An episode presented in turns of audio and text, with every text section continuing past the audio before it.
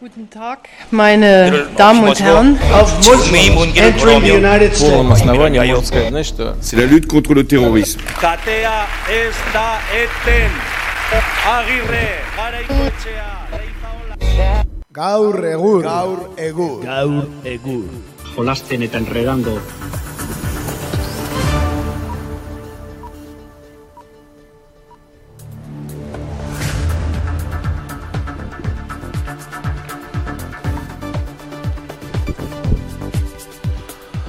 Bueno, arratsaldeon e, gure azken irratsaioa entzule. Arratsaldeo zazpiak eta 6 minutu dira, zuzen zuzenen gaude kakaintzona estudioetan eta azken irratsaioa e, laugarren hanka falta zaigu, baina beste ba, hanka bat aurkitu dugu, luzea eta indartsua, eh? Hoxe bera, bai, kaixo, gabon guztio hementxe gare berriro ere, eta bueno, gaur ba, gure denboraldiko azken irratsaioari ekingo diogu, ez da? Denboraldi oparoa, eh? Bai, bai, gogo eta behatzi irratxa egin ditugu, eta, bueno, ba, beti San Juanan aurretik bukatzen saiatzen geha, eta San Juan bezpera bihar da. Ez dugu ospatuko beste urte batzutan bezala dirudienez, baina, beno, ez? E, ba, pixkat ospatuko dugu, bintzat, irratsaioa edo denboraldia bukatzen dugu bintzat gaur, ezta? Hori da, bai gure formalidadearekin beti bezala. Mm? Bueno, azken irratsaioan zeu ze berezia nahi genuen, eta, ba, gonbidatu oso berezia ekarri dugu, ez? E, zein ekarri dugu? Zein ekarri dugu, zuek erran.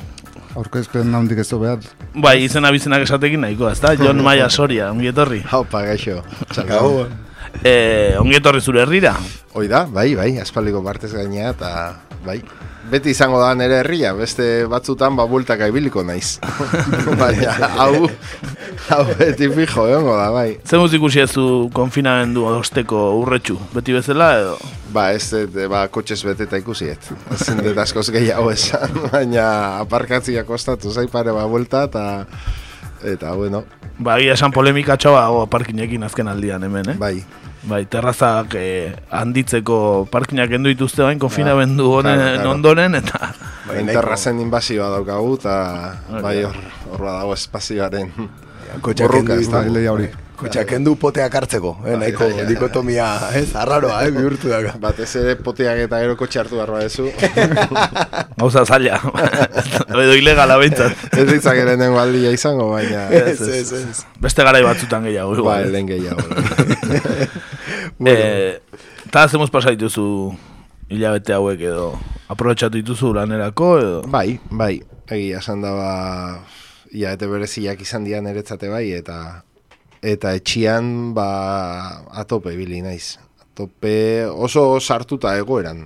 Egia esan erabat itxialdi eta pandemia eta coronavirus eta covid emeretzi eta eta hortan egon naiz pentsatu nun lehenengo gunetik ba ia nola lagundu nezaken eta okurritu zitzaidan ba bueno, nik zer dakit egiten, ba, bertsoak egiten dakit, eta eta nola egin dezaket, ba, bueno, sare sozial badaukat, Twitter kontu badakat, eta pentsatu nun, ba, bueno, Twitter bidez, ba, bertsoak egitea jendearentzat. Bertso personalizatuak, edo pixkat egoera kaltetua dagoen jendearentzat. Isolatu da, gaixo, edo lan konkretu batean, edo egoera konkretu batean, ez da, hola, baina, baina gaizki edo.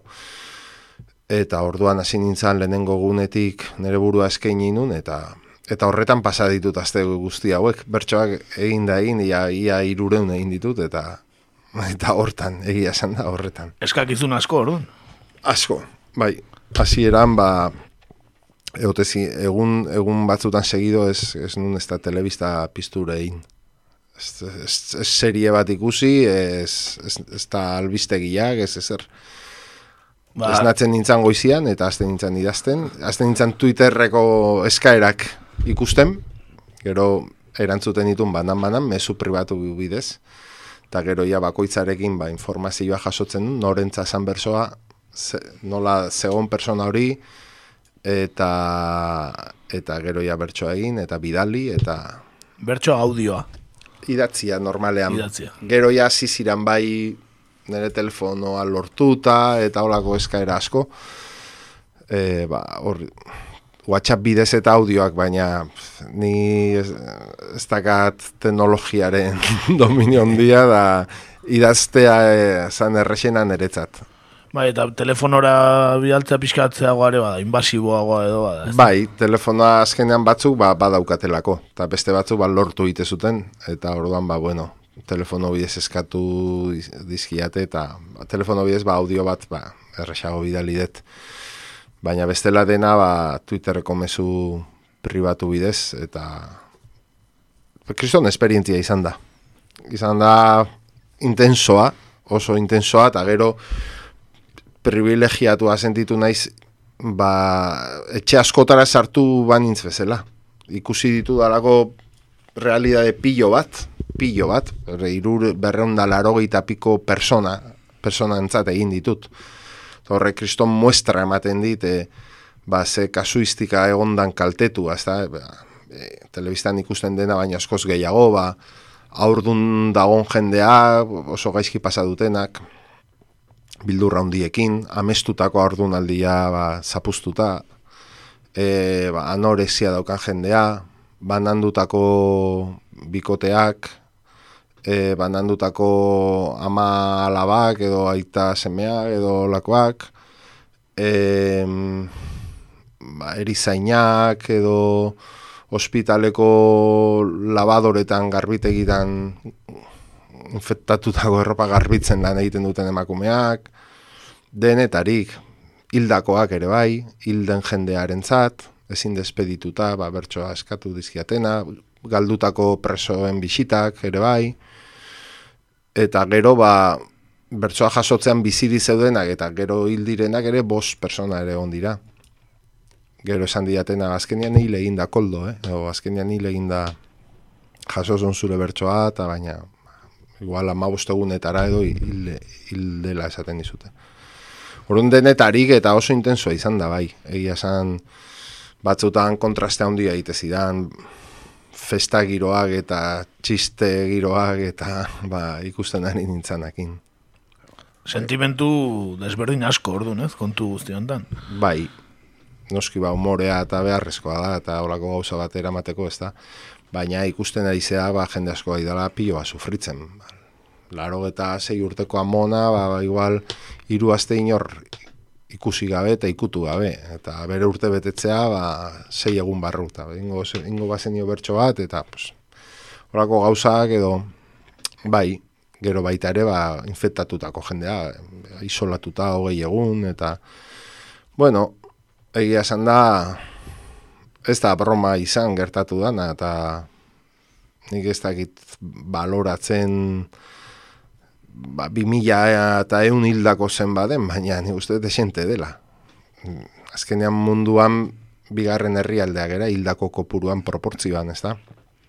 Naiz eta asko makillatu eta naiz eta diskusioaren fokoa ondartza goto haietara eraman, hemen kontua da, bi mila hildako egon direla eta ez degula dolurik egin, eta eta segurazki hilda daudenetako asko bizirik egon behar liratekela, baldin eta zerbitzu sozial eta publiko duin batzuk izango bagenitu, kasu askotan.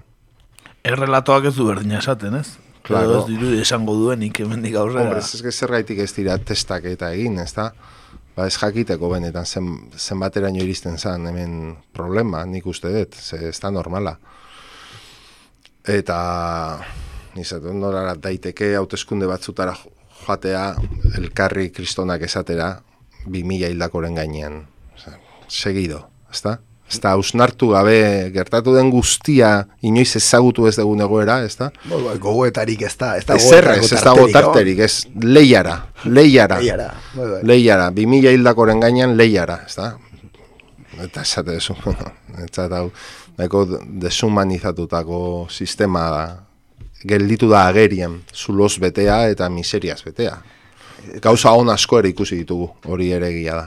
Dudare gabe ez, baina askotan zenbakiaren, eh, zenbakiaren, ba, bueno, irudi horretan gelditu gara, eh, zenbakiak ikusten genitun taula batean, eta, eta, bueno, atzean zeuden pertsonak, ba, ba izkutatuta gelditu dira, bai. azkenen, ez, asko. ikusten dezu, ba, ba, saldu dizuten guztia, ba, ipurdi biztan, ere bai, ez da, munduko osasun sistema honena daukagu, kriston herri aurreratu agera, kriston bizikalidadea dago, eta gero iristen da basikoena behar dezu, arnasa hartzeko aparato bat, e, infekzio batean eskontagiatzeko maskarilla bat, guante batzuk, e, e, erropa buzo bat, eta eta ez dago ezer.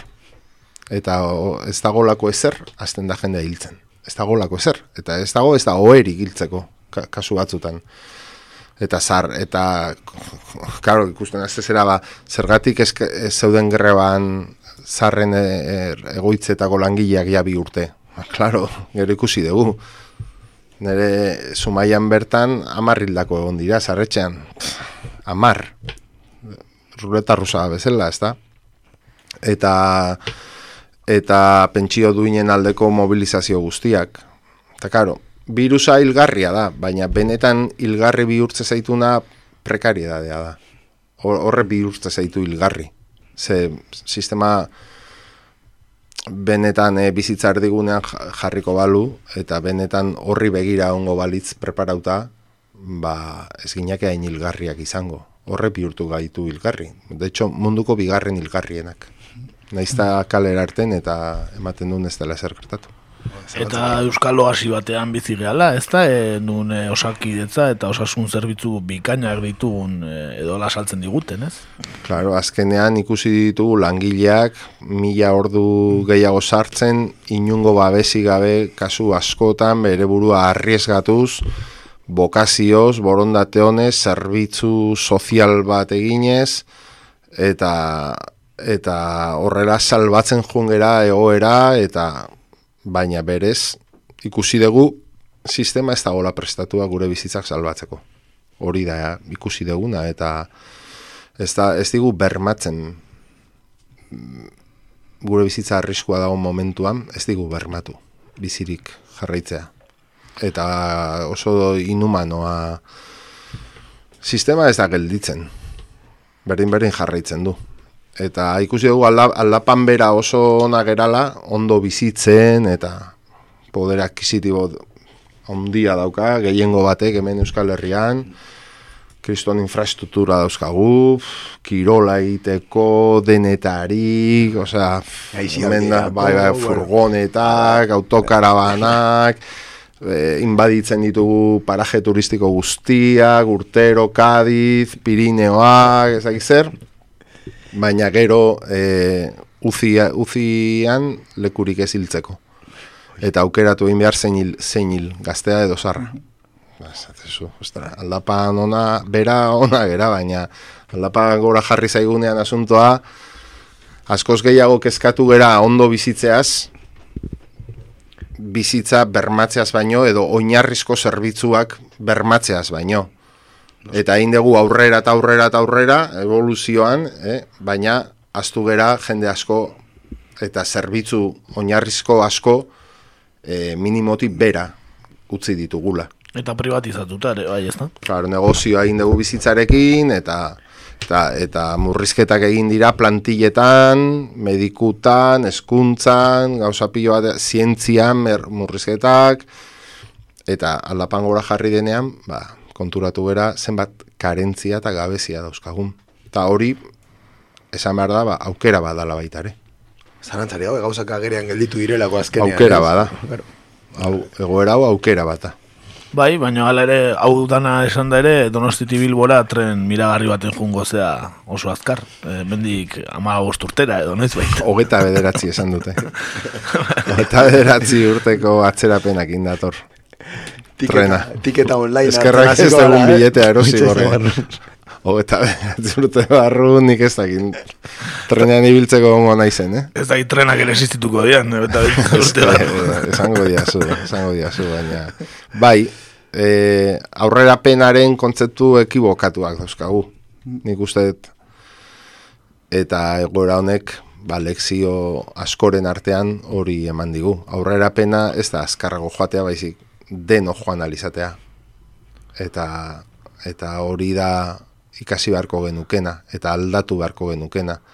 Ez da oporretara beste kontinente batera joan alizatea, baizik eta hemen egunero jan alizatea, hori da aurrera pena.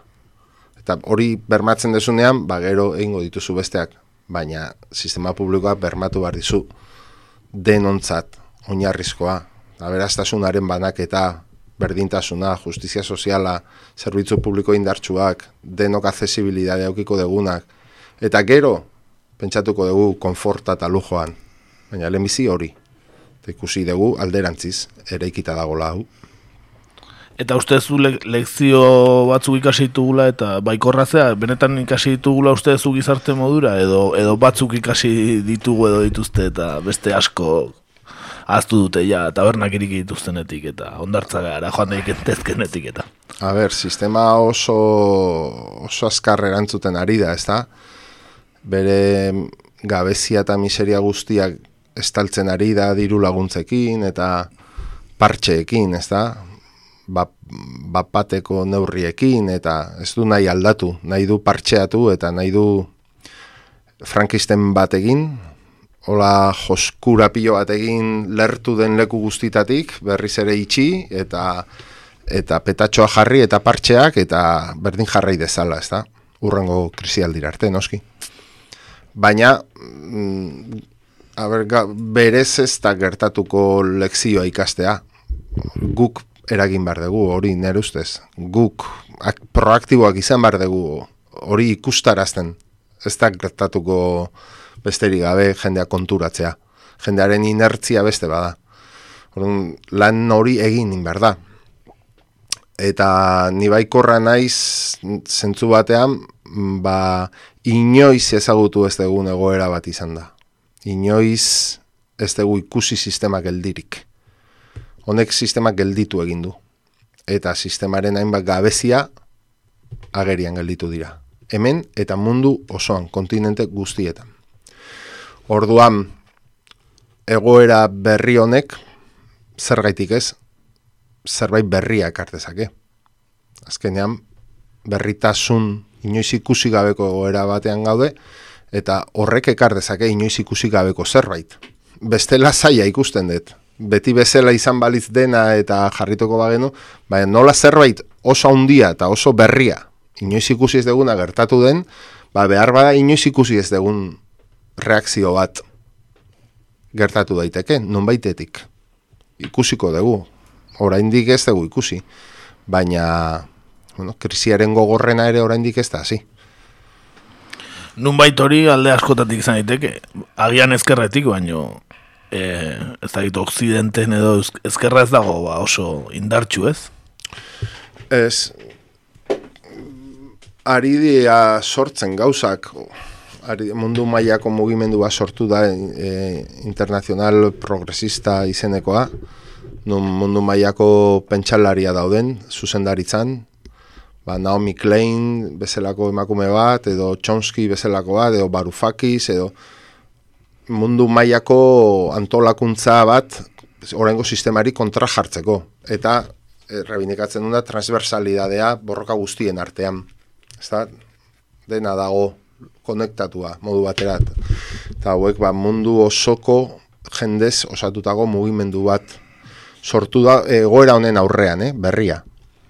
Adibidez ez dakit gehiegi horri buruz, baina hori ikusi dut eta posa mandit eta gero nik uste dut zenbait kontzientzia ere e, indartu egin direla ere bai, eta piztu egin direla. Adibidez, zerbitzu sozialekiko sensibilidadea, edo sistema publikoarekiko e, sensibilidadea eta horren beharraren kontzientzia, nik uste dut indartuta aterako dela ontatik, edo aldaketak klimatikoaren kontrako burruka ere, nik uste dut oso indartuta aterako dela hemen eta mundu osoan orain arte bazterrekotzat bezala ikuste genitun borrokak, ezta? Eta sektorialki bakarrik nik uste dut e, askoz presenteago izango ditugula hemendik aurrera. Eta niretzat oso interesgarria litzake Euskal Herriak konektatuko balu mundu mailako borroka korriente hoiekin. Nik uste dut hau izan daiteke laukera bat gu ere berritzeko, gure banderak, gure moduak, eta eta konektatzeko munduko borrokekin eta eta egoera honen intensidadea aprobetxatu ba eskaintza alternatibo bat e, osatzeko, behin goz bizio transversal eta orokor batekin. Ekologisten problemak ez direla bakarrik eko, ekologistek borrokatu beharrekoak. Migrazioaren ez direla bakarrik e, e, migrazioaren kolektibo borrokatu beharrekoak. Klimarena ez dela bakarrik, ez. Justizia soziala ez dela bakarrik eskubideen karta sozialekoen problema bat. Zer dena dago interrelazionatua. Arazo klimatiko, aldaketa klimatikoak eragiten ditun desorekak gehien sufritzen diren herrialdetatik ateratzen dira gero migrazioak, adibidez. Eta migrazioek provokatzen dituzte beste gauza batzuk, eta dena dago konektatu da. Klima eta migrazioa ez, ez dira bi gauza diferente ez duten azer ikusirik.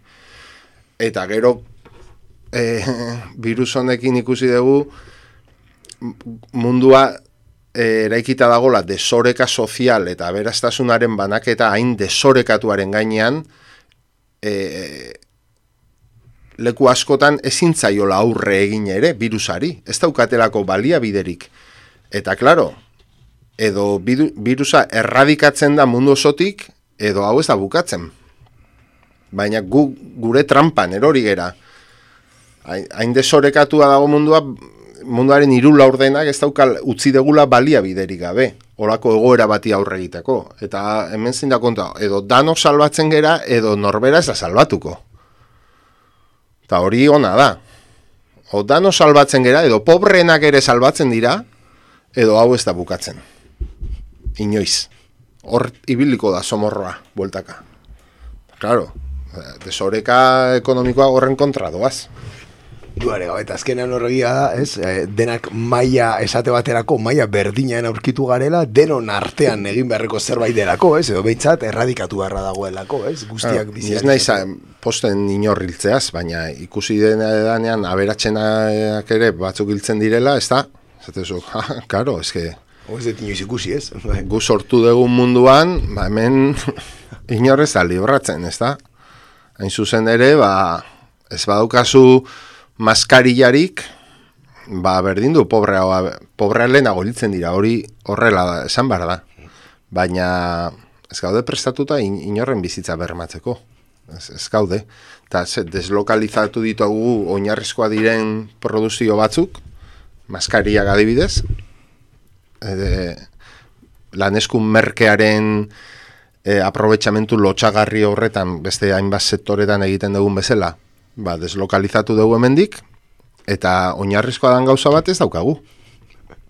De repente maskaria bihurtzen dira e, gerra motibo bat. Konfiskatzen dira aeroportu internazionaletan eta... Enkanten erosten die, ez? Eta horretako praktikak, eh? Eta orduan, ba, claro, hori horrek asko esaten du. Osea, ez dugu pentsatu bizitza... Bizitzari ez dugu lentasunik, eman gure konzepzio ekonomikotan eta, eta bar, ez da?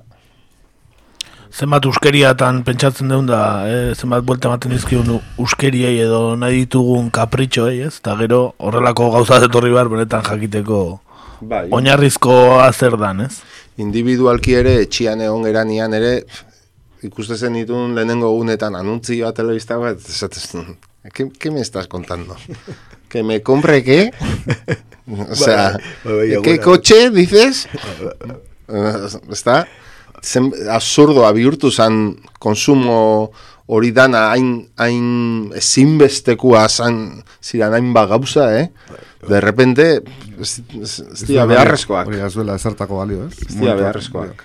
Repartidorek nuna eskandalizatzen ziren, ez? Eh, Amazoneko eta plataforma hundi hobetako repartidorek uskeriak banatzen pasatu zutenako egun osoa, ez? Ba, arropa eta, eta bueno, horrelako kontuak, ez? Bai, bai, eta gero konturatzea, ba, ze soriona zer den edo ze eraiki degun, ez da, zer dan indartxu izatea, eta holako gauzak bat dana kolokan gelditu diala, ez da. Eta zer dan denbora pasatzea e, gauza gutxirekin, ez? Edo, edo familian, ez? Jende asko, ni inguruan jende asko zuten diot, kiston ondo egon dirala. Kiston ondo etorri zaiela. Osa, deskubritu dutela berriro Harremana eta aspaldiko parte egunak eta egunak elkarrekin eta etxian eta olako gauzak. Nik hori entzuten, net inguruan. bai, bai. Gure ritmo frenetiko hori ere ez dinamitatua nola baitez, kontu guzti. Bai, azkenean batzu lanean dabiltza, seme alabak ikasten, eta da, inertzia sistematiko bada, ez da? Eta derrepente, ba, egunero laurak salan. Edo... Eta orain zer, ez? Orain zer egiten dugu, eh? Hola, ba, o, marregun, ez da? Horako gauzak, jende asko jentzuten diozu, ba, oso ondo etorri zaiela. Eta zuk bertsoz gain, beste proiektu batzuekin lan indezu, gara hauetan, no? Ba, ezin izan dut beste zertan pentsatu, egia esan. Ez dut ezer, nola esango nuke, produktiborik ez dut ezer egin. Eta aparkatu behar izan dituzu asko edo? Bueno, proiektua, proiektua, bat ola potoloa, e, nire jarduera nagusia eta sostengu nagusia momentu horretan dokumental bat zan. Eta hori ba eten da, gelditu da, oraindik ez dut berriz heldu. Dokumentala jakrabatzen hasi behar ginen, eta ba, bertan bera utzi behar izan genuen. Eta gero ba horrez gain beste proiekturi, bueno, galdu ditut bertso saio pilo bat, kontzertoak ere galdu ditut pilo bat, eta itzaldiak eta ere bai, mordoska bat, ba, hogeita mar berrogei bat eman aldi galdu ditut. E, zer egin gabe, martxotik. Azkenen, eh, aipatzen bezala, bai dokumentalak, bai liburuak idazituzu, bai musika talde bi behintzat bai, ezta? Eta disko batzuk bai.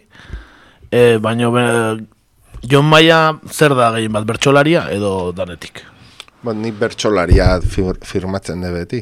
Eta hori da batez ere naizena eta besteak ba horren adarra bezala horti sortu dian adarrak bezala ikusten ditut.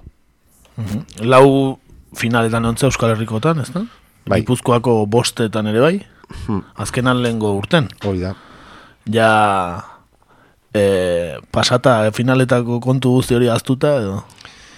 Bai, bueno, orain e, Euskal Herriko txabelgeta izango da, datorren urtian, egin balaike, ez da? Ez dakigu. Eta, eta hor parte hartuko den normalian. Bai, orain di jarraituko ez txapelketetan aurkezten?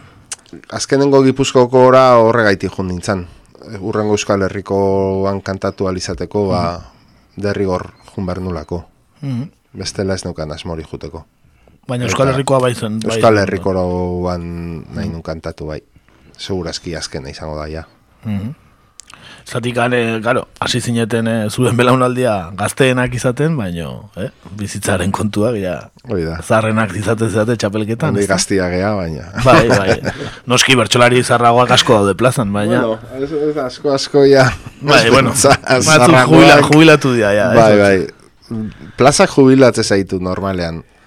Ez badizute kantatzeko deitzen, bukatu da zure karrera, nahi, nahi jarraitu nahi izan, gure ez da musikoa bezala o idazlea bezala.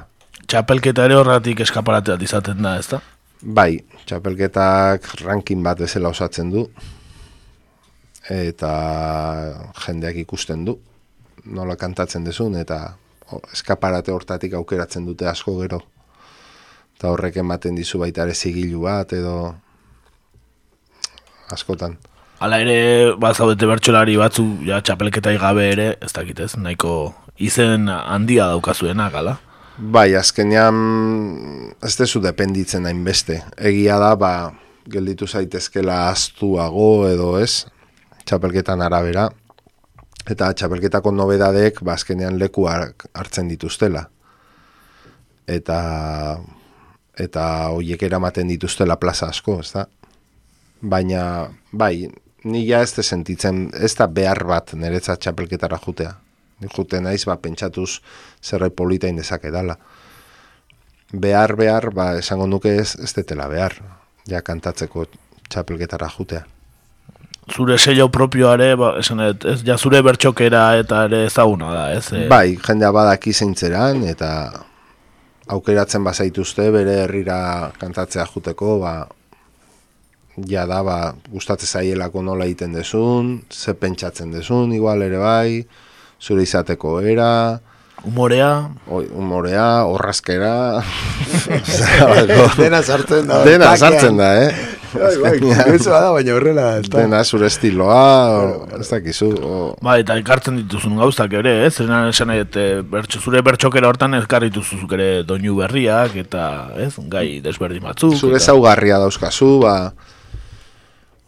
gu horra ziginean, plazetan ba, gure ezaugarriak ekarri genitu, nordur arte ba, ez zeuden ezaugarri horiek.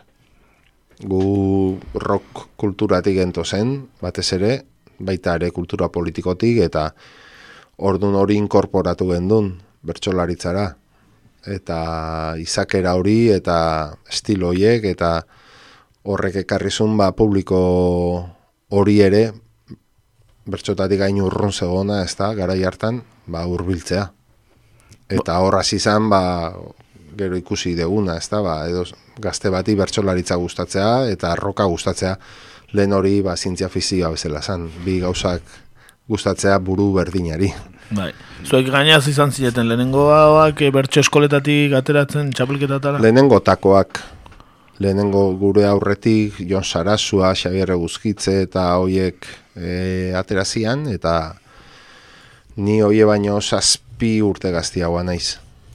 Et, baina bai, nik esaten dut hor liburu bat idatzi nun, berria jaio ginen, eta hor kontatzen dut gara hori dana, e, eta esaten dugu gerala bertsolari in vitroak, laboratoriotik sortuak, eta esamaren tititik edate zutenak, ordur artekoak bezala, baizik eta esperimento batetik sortu geranak, bertso eskolen formula hortatik, eta eta hortik atera gea.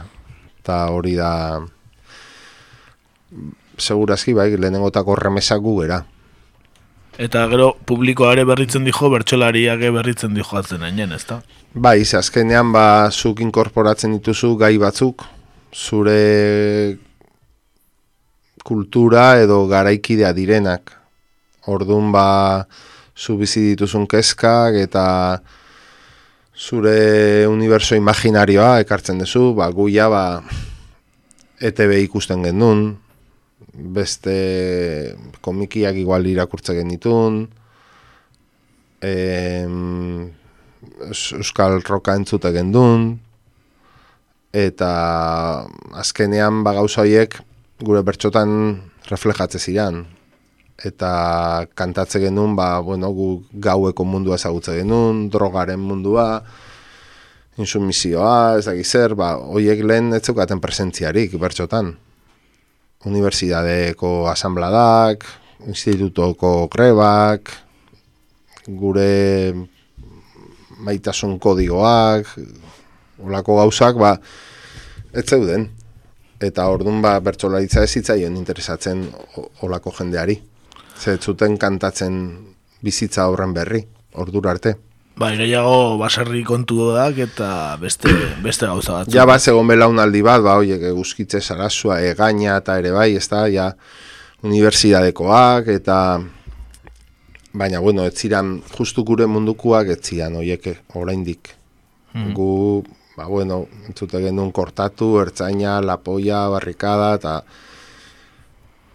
mundu hortakoak ginean eta eta guk irakurtza genituen liburuak eta ikuste genituen telebistako programak eta azkenean ba beste referentzi batzuk erabiltzen dituzu, gure euskera ere bai, urbanoa, ikasia, kasu askotan, eta orduan eremu ez euskaldun eta ara eri aseginan iristen, beste publiko bat batek ulertzezun guz ezate gendun.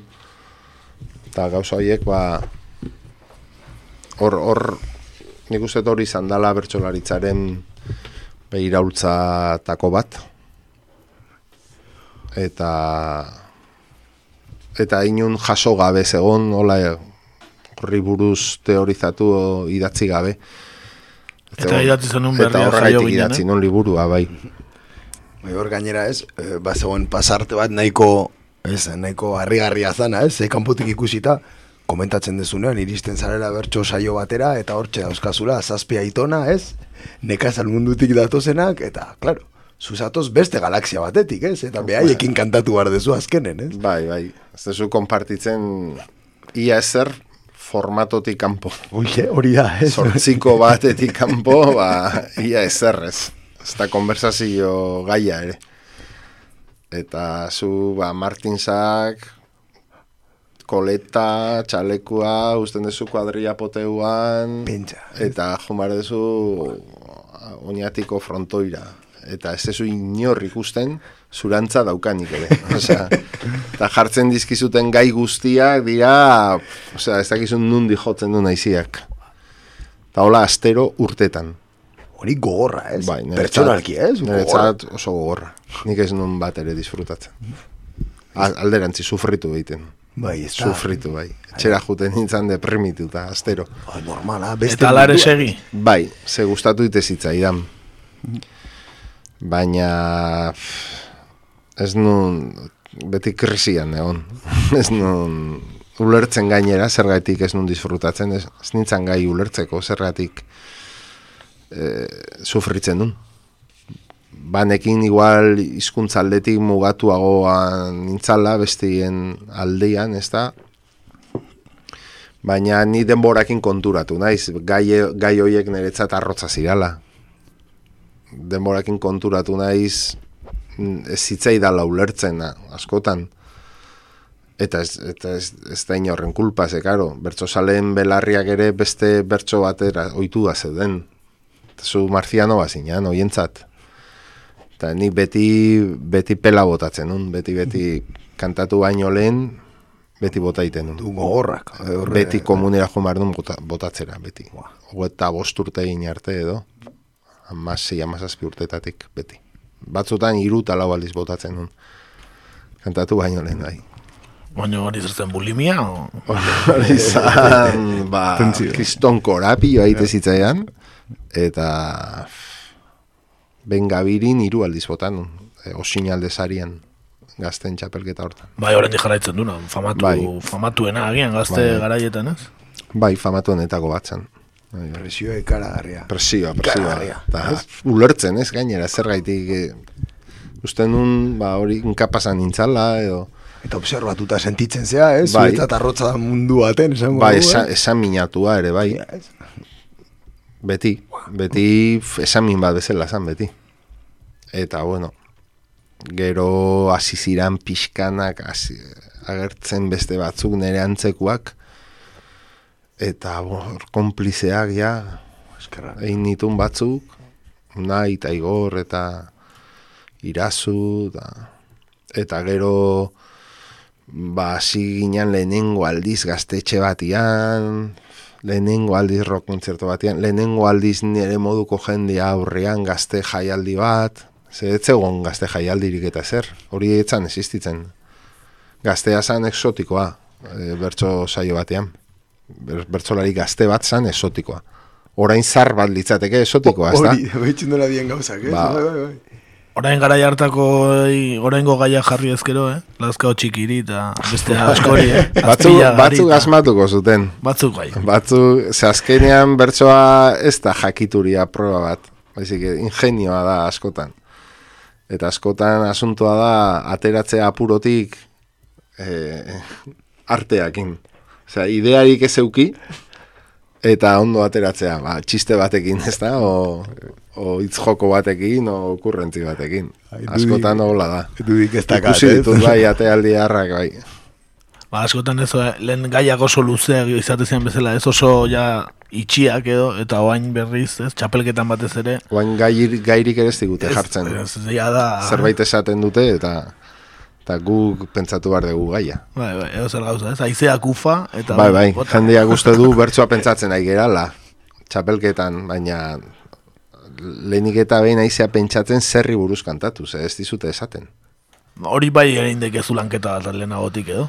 Bai, pixka bat eh, pentsatu dezakezu nora, er, nora eraman edo, ez da, Edo lauz paus gai euki, segun zer esaten duten. bai, edo- bai, hori pixka batein leike. baina askotan nabaritu iten da. Bai, prestatu egia, ez? Nik uste bai, ez. Artifiziala edo, ez? Bai, ez da, ostra, bai. Oso ona izan da, baina ez etorren oso akuento, ez da, esate eso. Hori gertatu laike. Nik uste danoi gertatu zaigula, noiz bait. E, azkenean danok egiten ditu ariketak etxian eta bertso eskolan eta nahi gabe ere ba, batzutan ateratzen zaizu zerbait. Azkenean igual gai horri lehenago ere kantau diozulako, ez? Eta orduan bauzkazu ja hartuta erreferentzi batzuk. Bai, eta gero ba dano dauzkagu espezialidade batzuk. Eta nahi ezu gai ireki horiek zure espezialidadera ekarri. Hori ere ikusten da. Kargadorea prest, ere, por se gaso. Bai, Hori ere ingenioa da, ez da, lehen komentu. Bai, bai, bai, azkenean. Bai, adibidez, ez, eh, aipatzeatik, eh, ja esan dezula, eh, zure gaiak, eh, bueno, asko dauzkazu ez, baina bat baldin bada bertxolaritza munduan eta bestela ere zure zurea da ba, Espainiar etorkinen, ez, etorrera, integrazioa, eta abar, eta abar, ez? Ja, laro eta mazazpian botazen un agurrak nahiko argi uste zuen, ez? Bide hori jorratu nahi zenula entzun dezagun. Ama Estremadura Aita Zamoratik Abuela eta abuelo Aien aurretik. Herri hontan sustraitzen asmatzea gaitik neuke maita dezaket guztien gainetik. Euskeraz badakit bertzoz darabilkit dena zuen gatik ala dagokit dene kantatu duten ere ahotik dene kantatu Bueno, eh, gaina zurbeltzaken diskoaren hasiera Bai, ere bada orain, ezta? sartu nun, bai.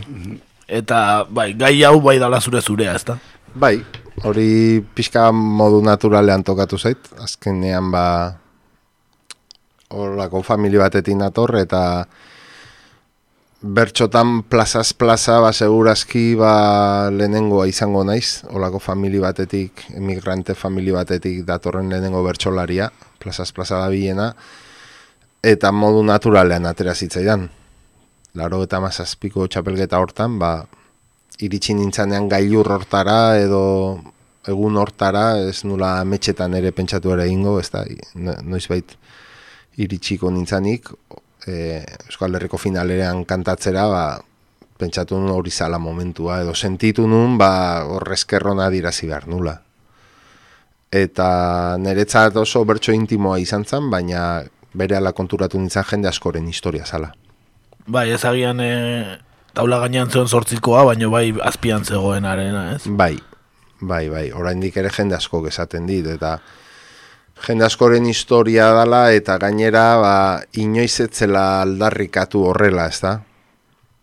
Inoiz beti kaso askotan akomplejatua edo pixka lotxatua ere bai, eta estigmatizatua ere bai, neurri batian, eta ordun leku hartan, euskararen templo hortan, ez da? Eta milaka eta milaka personen aurrean, eta telebistaren aurrean zuzenean, eta ba, norbaitek hori esatea, azkenean, jende askorentzat liberazioa bezala izan zen, ez da? Bitu, ez da, lotxatzen gainera esan egiten du nun eta hor, ez da? Ni momentu horretan ez nintzen horren konstiente niretza zan bertso intimo bat. Baina, ba, bueno, egunean bertan konturatu nintzen, ja, reakzioaz. Abuela eta abuelo esatea, ja, rarua zan. Ni abuela esan duen, ba, banekilako entzuten aizala. Eta bera konturatzeko, ez da? Bentsat hori ulertu zezan, ez da? Ba, hori da, eta Eta ze sortzi ordu entzute zituen hitzik ent, ent, bakarri guapoena nintzalako. Hola, hola, eh. Horregaitik ikustezun finala sortzi ordu. Pentsa. Bai, bai. Eta gero Extremadura eta Zamora esatea bakarrik. Hmm. Gero kartzela ipatu gabe, osea, hori ere zan nobedade totala eta ba, impactoa aukizun bai. Bai, azkenean zirkulo batzutan ez, gagian garai hortar arte edo, ba, Euskalduna zan, e, abizen Euskaldunekoa eta abar eta abar, ez, ba, zirudien. E, Estereotipo bat, bai. noski ba, egon da. Eta, eta etorkinaren estereotipo bat ere sortu da. Sortu zan. Belarri motz, mantxurriano, koreano, maketo, estereotipo hori ere egon da. Bai, bai. Eta gehi, batez ere euskal munduan, ez da. Eta orduan, ba, bueno, hori puskatzea, neurri batean, edo, bai, izan zan gauza bat, impacto bat, edo orain bertsoa ba, eskolako testu liburutan da erabiltzen da, eta... Bertso hau bera? Bai, bai, bai. Eta bere historia asko dauzka bertso horrek, bai, bai, bai. Eta gaia ere oso interesgarria, eta urretxu zumarragan, eh, ja, asko hitz, egiteko asko ematen duen gaia da, ez da? Bai. Eh, zuke batea zenun liburu bat, ez, Rio Mundo. Bai ez du esaten urretxu zumarragan kokatzen deni, baino bertakoak bak hemen, bai. hemen kokatzen dala. Bai, bai. bai, hemen kokatzen da. Azkenean da nere amaren aldeko familiaren historia e, novelatua. Gauza batzuk imaginatuak dira, nik ondorioztatutako goak edo, mm. batez ere urrutien dauden gauzak. Albaceten eta Extremaduran gertatzen dianak, mentzundako gauzetatik eta eta gero nik asmatutako egoerak eta eta gero eta benetakoagoa da onuntzur bildu ala eta bai nire asmoa zen ba euskeraz liburu bat egitea ba euskaldunek ikusi izango zutena olako familia batek eta integrazio jarrera bat eukidun familia batek ba eukidun ibilbidea eta adibide hori sortu eta beste estimatizatutako irudi hori puskatu ere bai, ezta? Eta prejuizioak puskatu eta ba, klitxeak eta estereotipoak puskatu ere bai neurri batean ba, liburu horren bidez. Hmm. Hor, gaina, e, urrotxu zumarran kokatzen dela bueno, bertakoak bakigu, e, batetikan auzoa e, txiberri bakigulako bai, bai. zeuzudan, ez da? Abuela gola esatezun, eta... Bai, bai, eta ez bera bakarrik, ez? ez, olako, karo, olako jendez bete eta zegoen etxeberri hauzu dazta. Mm Ia gehienak etorkinak. Mhm. Eta hemen asko gertatu da hori. Eta nik uste dut historia horri etzaiola heldu oraindik behar bezala eta hor bi mundu egon dira eta eta esango nuke modu batera oraindik badaudela bi mundu hiek. Hmm. Eta eta azkenean basko ba, estereotipatu ditugu bi munduak politikoki, sozialki ere bai. Batak beste ere bai, Bai, ez tegulako elkar ezagutzeko zubirik eraiki. Hmm. Nere ustez. Ze elkar ezagutzeak desaktibatzen ditu estereotipoak eta aurre iritziak eta klitxeak. Hmm. Ezagut, Horengo etorkinekin ere berdinak gertatzen dela esango nuke de, neurri handi batean. Estereotipoa sortzen dira, klitxeak, eta ezagutzen desunian persona, ba, estereotipo horrek ja ez dizu balio. Ja persona hori da. Ja ez, ez daukazu mamua geraiki beharri edo pelikulak ja ezagutu dezu. Mm. Ja ez, ez, burua ez da joaten mamuetara eta pelikuletara. Baizik eta, bueno, ezautu desun persona hori gustako zaizu edo ez, baina baina ezagutzak desaktibatzen ditu gauza horiek. Lengoekin ere nik usteet, ba hori pendiente egondala eta bi mundu nagusi horiek jarraitzen dutela neurri batean Euskal Herrian, ba Euskal kulturatik era bat kanpo dagon jendetza bat bizi da Euskal Herrian, ez dakitena zer, zer gertatzen den euskeraz eta euskal kulturan, eta haie, haiek haien bizitzaren edo ibilera hoien berri ere zer ez dakiten euskaldun pilo bat. Daudela ere bai, esango nuke.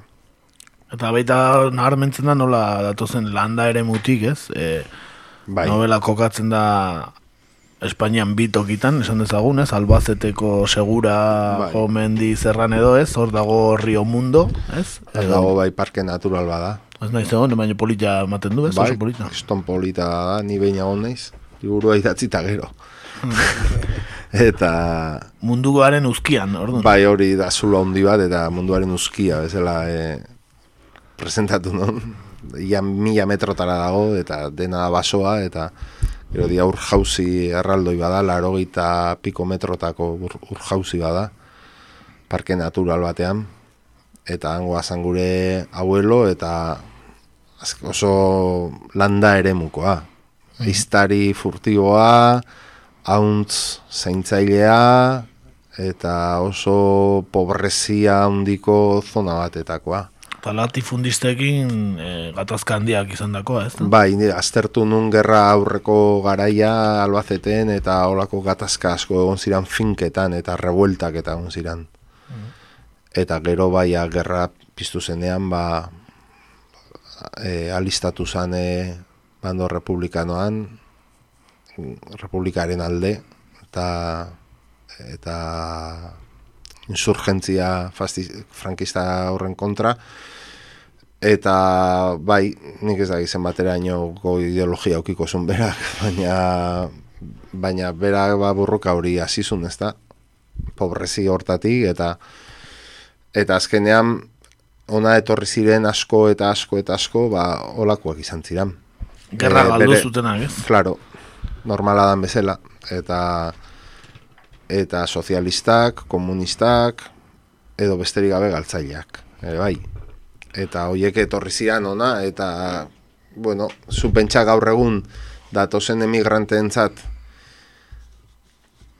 erabaz zaila baldin bada Euskalduntasuneraino iristea, gaur egun, 2008 garren urtean, Osa, ze- Rumaniat izatoz, Senegalet izatoz, edo edo Serbiat izatoz, eta e- edo Boliviatik, eta oso zaila da, Euskaldun bihurtzerainoko integrazio bat lortzea. Ez dago, ez dago nahiko indar, ez dago nahiko antolaketarik, ez dago nahiko protokolorik, e, etorkin bat absorbitu eta Euskaldun bihurtzeko.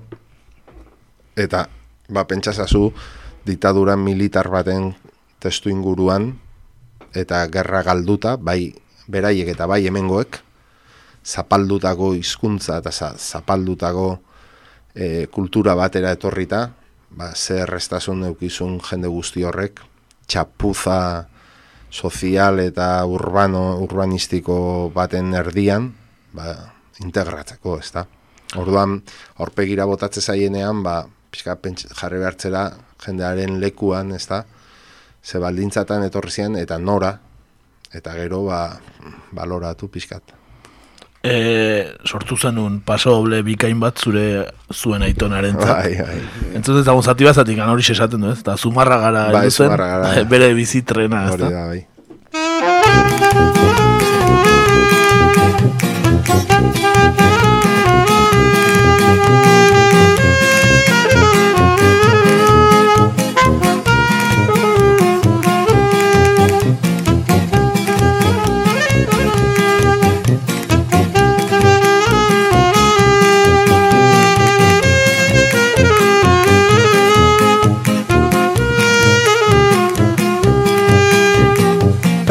Zenen Ismael tan ere izena.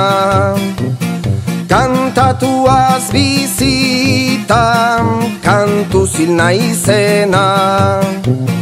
Zumarra gara elduzan nere bizitrena Beste edo non berdin gera zitekena Hori da galtzailein gertatzen zaiena Ba, zumarra gara heldu zen beste dozen tokitara heldu ziteken moduan. Kasuala da bizitza, ez da? Ba, Mikel Tani ez ginen hemen egongo bea zeinen jetxi balitz. Hori da. Trenetik, edo, edo Burgosen, edo Burdeosen. Beste bizitza bat eukiko genuen. Behitu ze importantea da nungo azeran Ba, ze kasuala den ere bai, eh? Bai, bai. Askotan, bai. Erabat kasuala. Gure kasuan, erabat. Gugarena izatea, erabat kasualitatea da. Mm. Claro, baserri batean jaiotzen bazera, zure aurreko belaunaldi denak eta abar eta bar, ba, ez, hori destino hori, daiko lotuta zegon. Mhm. Baina trenak ekarritako entzat, ez. E novelan ikusten da ere, ez, e, naiz landa ere mua edo ez da inoiz erabat baztertzen, ba, hone irizitakoan, e, ja usaitzen da beste metal usai bat, ez? Ja, fabrika bai, handiak eta... Siderurgia eta fabrika len, orain ia ezin izkoa diruditan fabrika, biek enduta kaf edo hola, ez da... E, lau, lau mila langileko fabrika. Zelan baldintza eta... Ba, frankismoaz aprobetsatzen ziren empresarioak, ez da? Bai, liburuan izen aldatu diezu, ondo apropos gainera, bai, abarozo eta, eta abarizio. Hora, disimuluan, eh? Bai, ebengo baki guztien eta zaitzen. gabe. Baina, klaro, eh, askotan hitz egiten denean enpresarioen ekarpenaz, nik seguru, eta badaude enpresario asko, bere burua eh, desarroiatu dutenak enpresario edo, enpresa bat atera arte, eta eta beraztasun bat lortu arte eta eta langileak eta eta ekarpen bat egiten diotenak, ez da, herri honi. Baina Frankoren garaian enpresario euskal famili handi hoiek, porque ez ziren etorkinak, eh? Ez, ez, ez. Enpresario ziren hemengo familiak, ba, asko eta asko aprobetsatu ziren eh, frankismoaren libertade faltetaz eta langileen eskubide faltaz esplotazio horretan, ba, berazteko hori horrela da, horre Frankoren garaien gertatu da hori guztia, eta hori horrela da. Eta hemen hori gertatu zen. Inkluso, ba, Guardia Zibilen kuartela ordaintzen zuten, ze behar zituzten hartzaiak e, ardi hoi edan azaintzeko, klaro. E, irumila langile eta hola. Eta gero Elizak sortu, o, bueno, bera berritu eta bar, eta bar. Olakoak eta azkenian, ba, nik uste, etorkin asko Euskalduntasunera eta asko baita abertzaletasunaren o, borroka nazionalera iritsi direla e, langileen mugimendutik eta hor ezagutu dituzte hemengo, hemengo jendea eta hor hemengo kausak edo langile eskerti kontzientzitik iritsi dira asko abertzaletasunera, esango nuke, eta hori bizkaian eta ere asko gertatu da. Eta abertzaletasuna ezker, ezkertzera ere bai agian? Hori zaiagoa ikusi dut, hori ez dut logorrauta ikusi. ez hori ez, baina... Ez Bada, badago, baina nik uste oso oso oso euskalduna diran herriak ez dira lain ezkertiarrak, iruditze zait. Bai, eh, oso, ez dira, heterogeneogia dira, ez, o homogeneogia, esan nahi, ez? Bai, eta horren den gehien mantxurriano, koreano eta maketo eta gauzaiek. Bai, guri ere, guri ere izan mantxurrianoen hilobak edo ez, e, urretxu zumarratik irten dakoan esaten digute gure herria mantxurrianoen herria bai, dela. Eko, oiko izaten da. Bai, estigmatizazio hori. Eta gero nik esango nuke baita ere, ba, klasismo handia egon dala hor. E, Horengo etorkinekin gertatzen da bezala, ba, ekin ere bai. Hmm. klasismoa izan dela,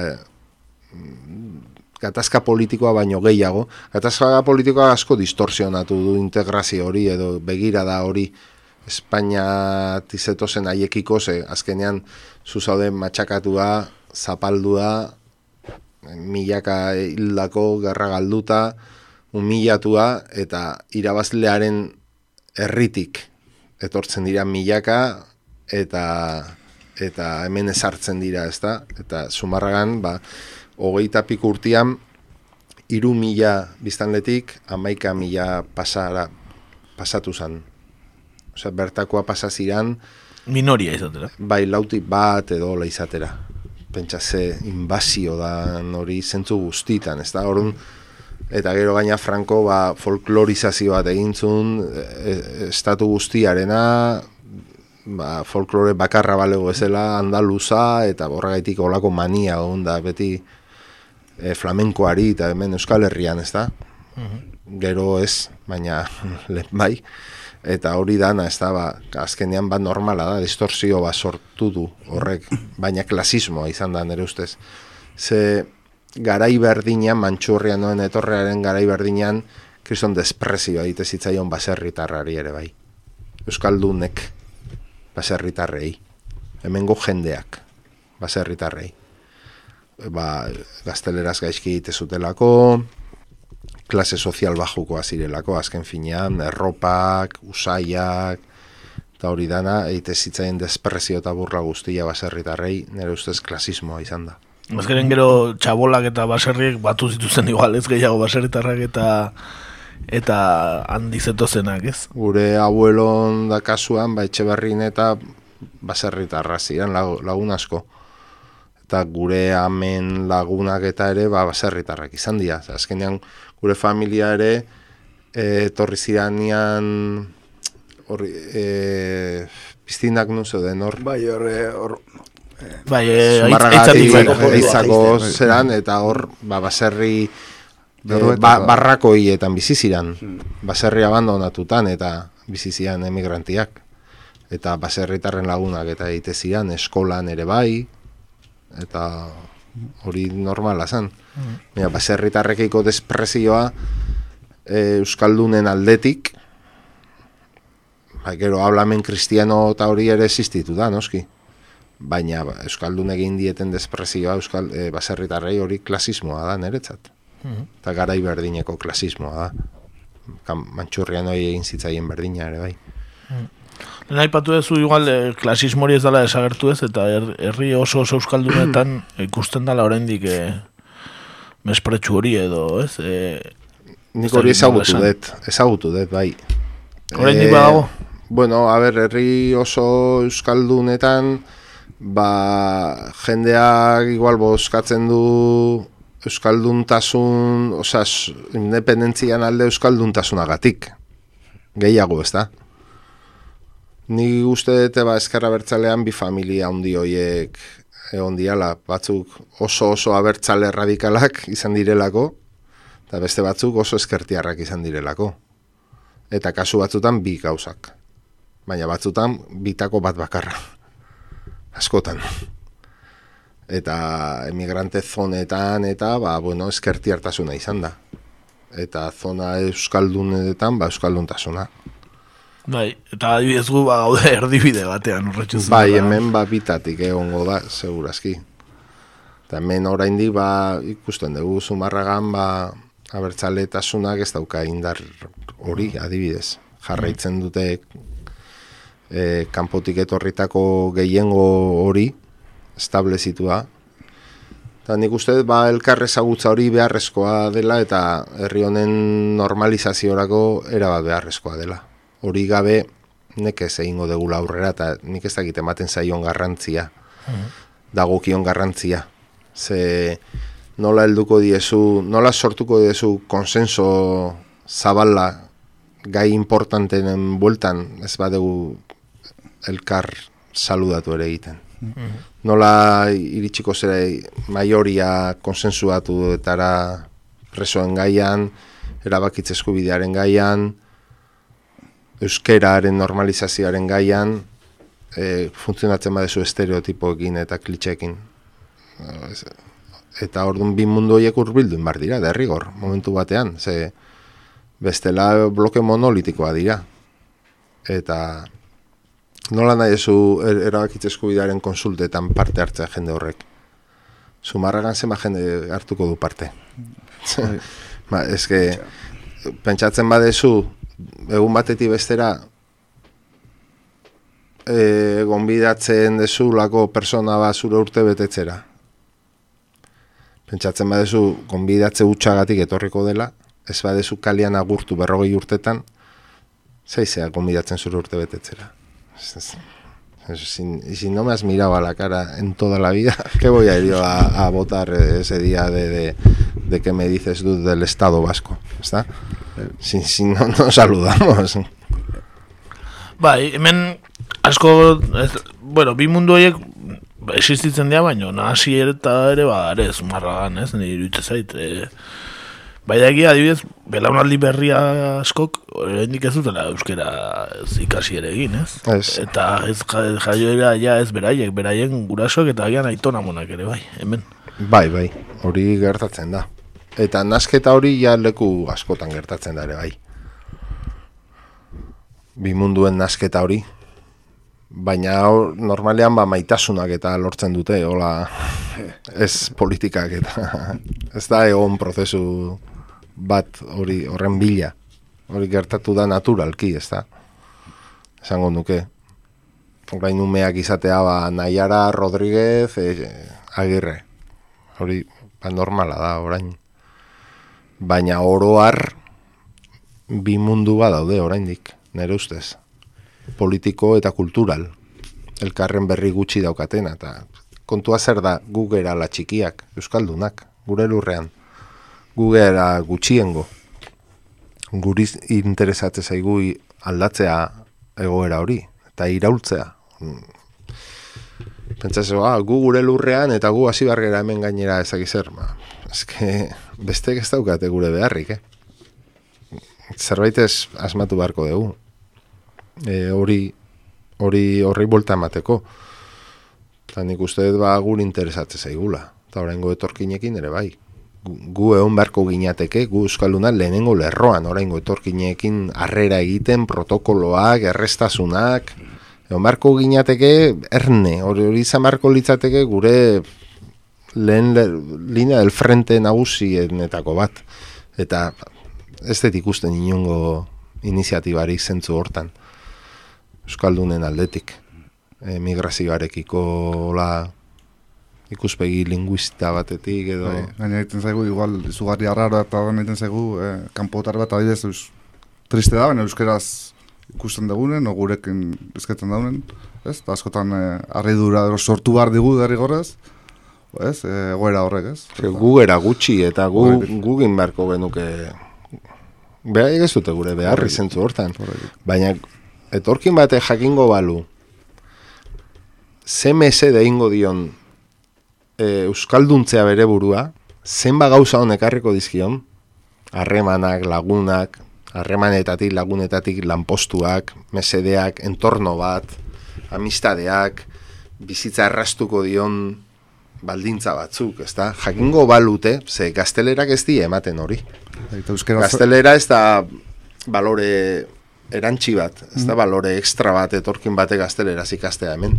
Inork ez hori txalotzen, eh? Baina euskeraz ikastea, bai, euskeraz ikasteak da komunidade baterako sarbide zuzena, eta gaineak iston simpatia e, irabazten dezu. Eta hori jakingo balute denek, ze, ze mesede ingo lieken euskeraz jakiteak, Eta elkarrizketak irratian eta egunkarietan, ez da? notizia da, oraindik ez? E, Bulgariar batek euskara ikasi duela, ez? Bai, bai, esotismo ba, bezala da, eta egia esan da, ba, euskara hain dago egoera aulean zentzu hortan, ez da?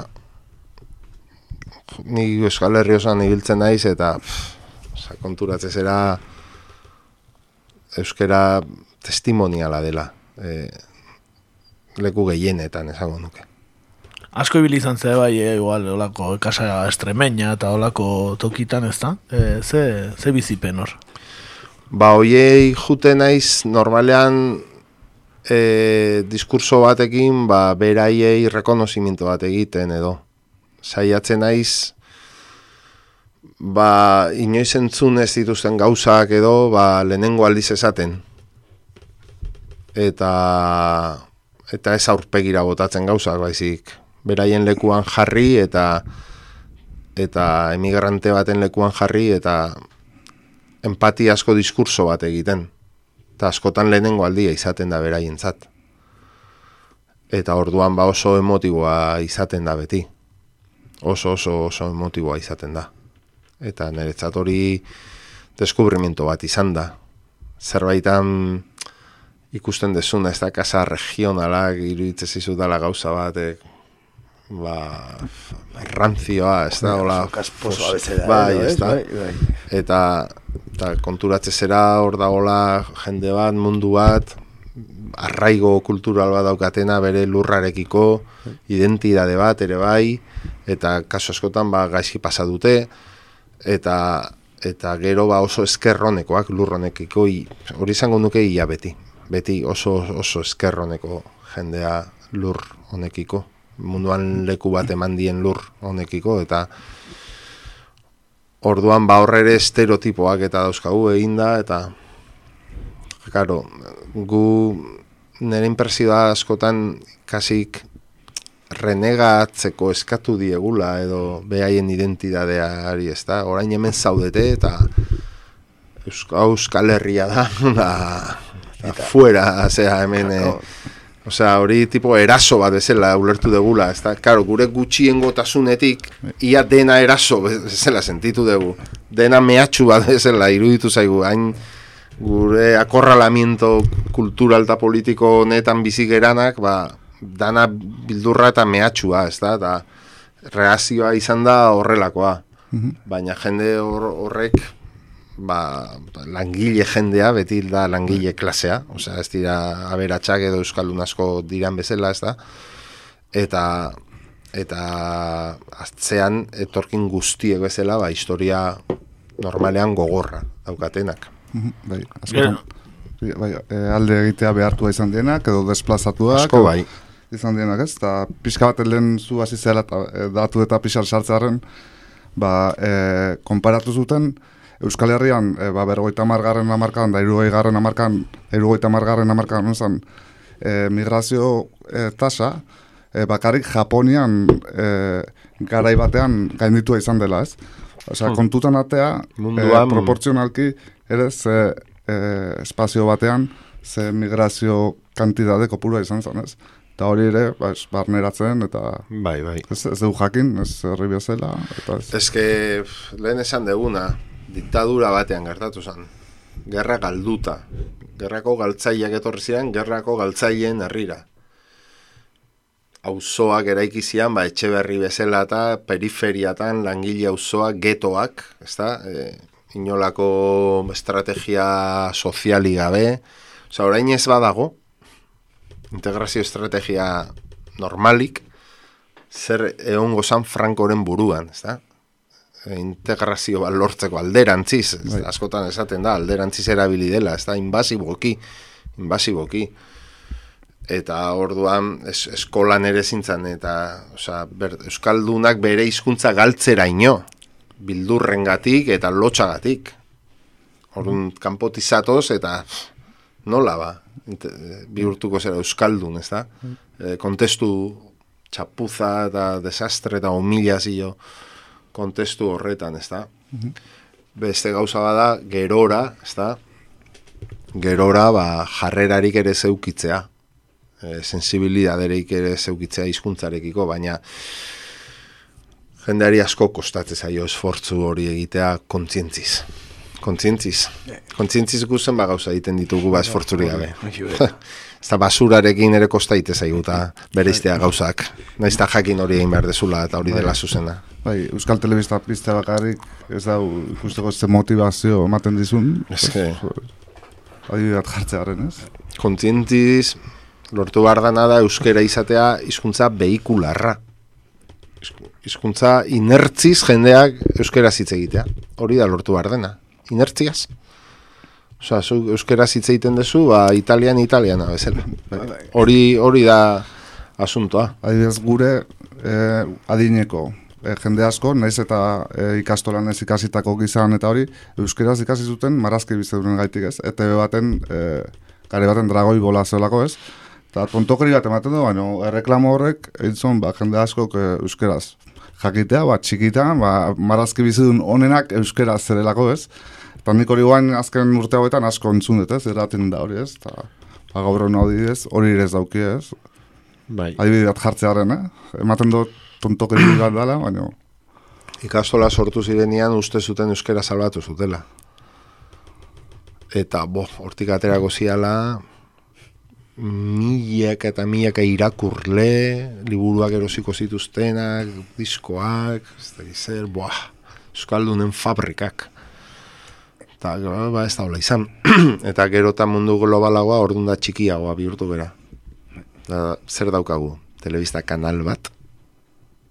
Nahi, hau etela adjetiborik ez jarri. Nolakoa den? telebista kanal bat. Oferta global guztiaren baitan. Plataforma digital guzti. Gut daukagu telebista kanal bat. Hori daukagu euskaldunok. Daukagu irrati bat publikoa, daukagu egunkari bat, ez da ateratzen astelenetan, daukagu astekari bat, gau revista zientifiko bat, umentzat ez detuzte daukagunik ia zer. Eta interneten eta, ba, ez dakit, exactamente zer daukagun, baina un, gu nola guaz borrokatzera horrekin, gure lekua egitera. Ez da dago legediarik benetan euskera ja fase historiko bat pasa dugu, ez da, euskara maite degula, ja, esan dugu, mila kilometro eta ibilaldi eta uh, Nafarra oin ez da bietan, bueno, ba, guain, guazen bermatzera, jaiotzen dira numei, euskeraz bizial izango direla. Eta salto hori ematen ez dugun bitartean, ni esaten dut hori dela euskararen bigarren irautza, pendiente daguna, ja, Franco horren garaitik ona bete da, ja, eta behi honek ez du ez, den, ez nege jo maten, ja, garbi dago, estadistikek esaten dute, topea jo dugu, inkluso bajatzen ari da e, indikadore askotan, ba, guazen ja salto bat ematera. Pedagogiarekin eta legez, eta hor sartzen da nik esateten dialogo interkultural hori ere bai. Onargarria izan dadin beraien buruetan ere, euskerak salto hori ematea eskakizun linguistikoak onargarriak egin daitezen jende horrentzat eta ez desaten sentitu imposizio bezala. Porre gauza da zuk arrazoi aukitzea, baina beste bat da arrazoi hori gauzagarria izatea. Ne. Arrazoi aukitzea ez da nahikoa hori badakigu. Ba, medikuak euskaldunak izan dute bai, baina beraiek esatu, jo, porke tengo que saber, ez da? a ver, nola ez dezuk jekin behar izango, ez da? Baina, claro, ez badute, baldin badago maioria bat ez duna hori toleratzen, inoiz ez dezu aplikatuko. Baina gauza, baina ja salto hori eskeman behar da. Bai, gaina gero ikusten mazu osasun zailburuak ere ezakila euskeraz edo arazok ditula eta euskeraz ikaseko edo gobernuko beste asko karazok dituztela edo ez dutela euskeraz ere jak, zakitela euskeraz zuzenean, ba, ze... Zinema nola Zumaiako ume batek, urretxuko ume batek, zergaitik ikusi baritu pelikula guztia gazteleraz? Zi, elebakarra dira umeak eta. Hori, non ulertzen da hori? Nola ez dago presupuesto bat ez da gizema milioikoak estreno denak euskerara itzultzeko? Eta... Nola ez dago industria bat horretan? Nola ez, da, nola ez dira banatzen e, irratientzako zera frekuentzia emisio gehiago euskeraz? Nola ez zaie exigitzen kanpoko emisorei hemen emititu alizateko euskeraz izatea porcentaje bat beraien emisioarena. Nola ez da gastatzen dirua defizitarioki PlayStation, Xbox eta plataforma horiek denak euskera egoteko? Nola ez dira itzultzen Disneyen DVD guztiak euskerako opziora? Osea, hori hori ja gertatu inbar da. Salto hori eman inbar da. Mm noiz bait. Eta are gehiago, ez, e, gauza da bikoizketa, igual diru bat balioko duena, baina azpititulatuta ere, ez, ez? Baude jende batek azpititulatuta ikuste dituna pelikulak eta bar, eta hori ere euskera zezin jartzea hori, hori bo sentimo kontua da. Zezu, nahi badezu euskera lehen etxi benetan, eta nahi badezu euskera salto bat ematea bere bizira upenean, eta behikularra izateko prozesu hortan aurrera egin, ezken neurri hori lehena edo gero hartu inbar dituzu ausardiakin, ausardia pixka batekin, eta pedagogia hundiarekin, onartu izan dadin. Baina hori egin inbar dezu. Horre, umea ezin dezuna pentsatu da eskuntza sistema salbatuko dunik euskera, eta eskolatik erten eta basamortura ateratzen dia umedanak. Basamortura.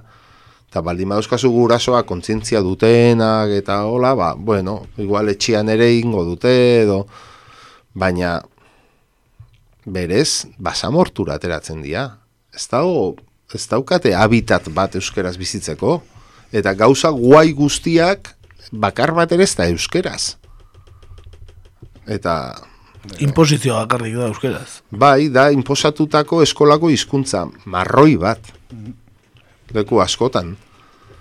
Eta hor azken gobernu estamentuek ere, ez? Hor jarrera bat erakutsi dutela azken berrogei urte hauetan, nun erakutsi duten beraien prioridadea etzela euskarari ez ez dezuna.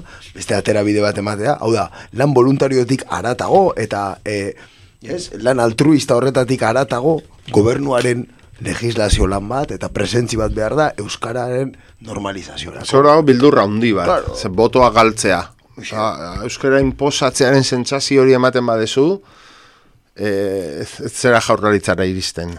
Da? Jo, ba, jaurlaritzan dagoenak zeo ze baldin bauka koltsoi ona da botoetan, eh? Bai, baina, izateko. Claro, edaten dulako euskararen kontrako sektoretatik ere, bai. Claro, horre eroso dagoen herritar kopura handi dago. Baina estutzen badio oso linguisti. Euskara oso simpatikoa eta errespetagarria eta polita da. E, e, eskakizun bat ez dan baldintza bat ez dan bitartean. Museoan egoteko bat. Bai, hor, eta erritxo batzutan, eta molestatzen ez dugun jende bat, eta hola. Orain, zu funtzionaria izan alizateko euskera jakin barba dezu, ja ez da insimpatikoa, eh? Ja, ja, ni hori eskatzen didan partidu bati ez dio potatuko. Hori da pentsatzen dutena. Eta, eta horre perpetuatzen gaitu ba egoera hontan jarraitzea beti. Baina bigar sal, bigarren iraultza hori euskerak lehenago edo gerao egin egin barko du eta egingo du. Egingo du. Ze bestela bestea da pizkanaka agonia bat.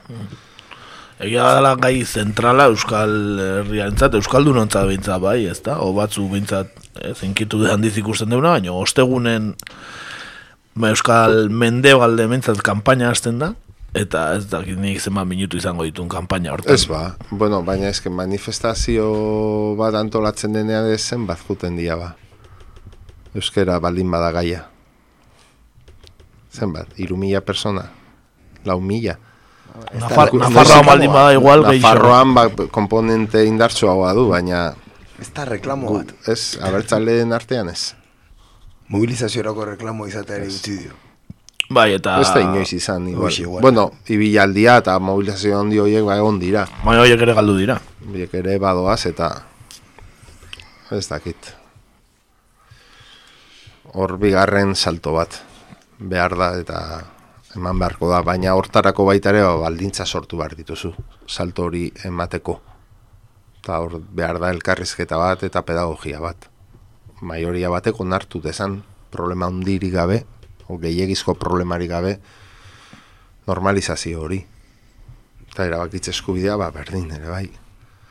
Lehen bizit, dialogo bat eman barko da, noiz bait, ba, beste jende batek ere parte hartu alizateko.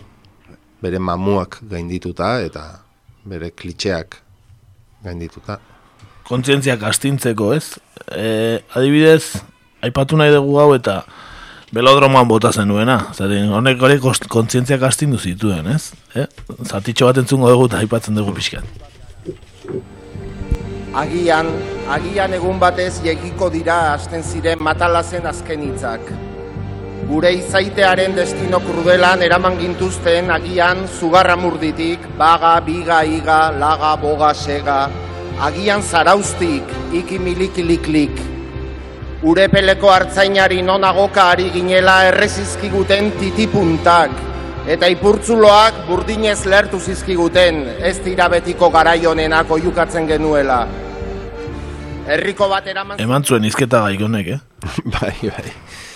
Zenbat kostatu zitzaizuna doitea? Goiz bat. Goiz bat? Jode, ba, ematen du kriston lana daukala, atzetik, eh? Goiz bat. Lana dauka, ba, urtetako ez da, zura almazena betetzearen lana. Baina gero ja idea etorri zitzaian eta... Bai, musikaren hitzak bintzat jakitea ez, musika edo, edo hitz bastante ez. bai, bai, gero ba, bai, txukuntzen eta ordenatzen eta igo aurreti azken bi minutur arte ibili nintzen. Kentzen eta jartzen.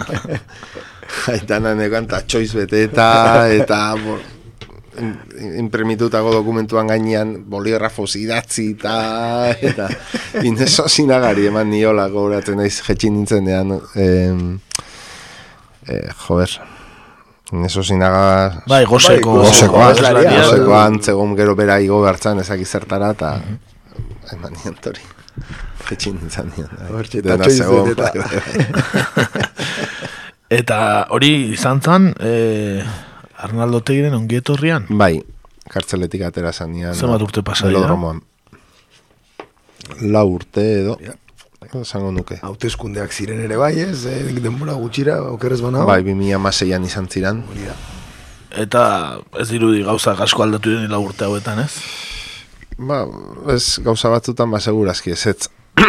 segurazki ez. Eta hor izan zan pixka bat, mugarri bat, momentu hori, eta esperantza bat sortu zan, nahiko itxalduta zegona, pixka ekitaldi indartxua izan zan, eta eta gero ba, bueno, ez da koete bat izan, asuntoa, esango nuke. Bai, ba, haude gai batzuk hor eh, oso aparkatuta, ez? Euskararen aipatu dugu baino, bai. presoak eta adibidez ere. Bai, Ez da aurrera pausorik ikusten, ez? Txantxaka ikusten dira eta denok ameste genuen behar bada bestera batera izango zala. Eta azkenean ba realidadea ez da hori izan. Ez da hori izan eta batzutan ez dakizu nola juzgatu ere hori dana. Eta ikusten dituzu mugimenduak, txantxaka, oso txikiak eta gero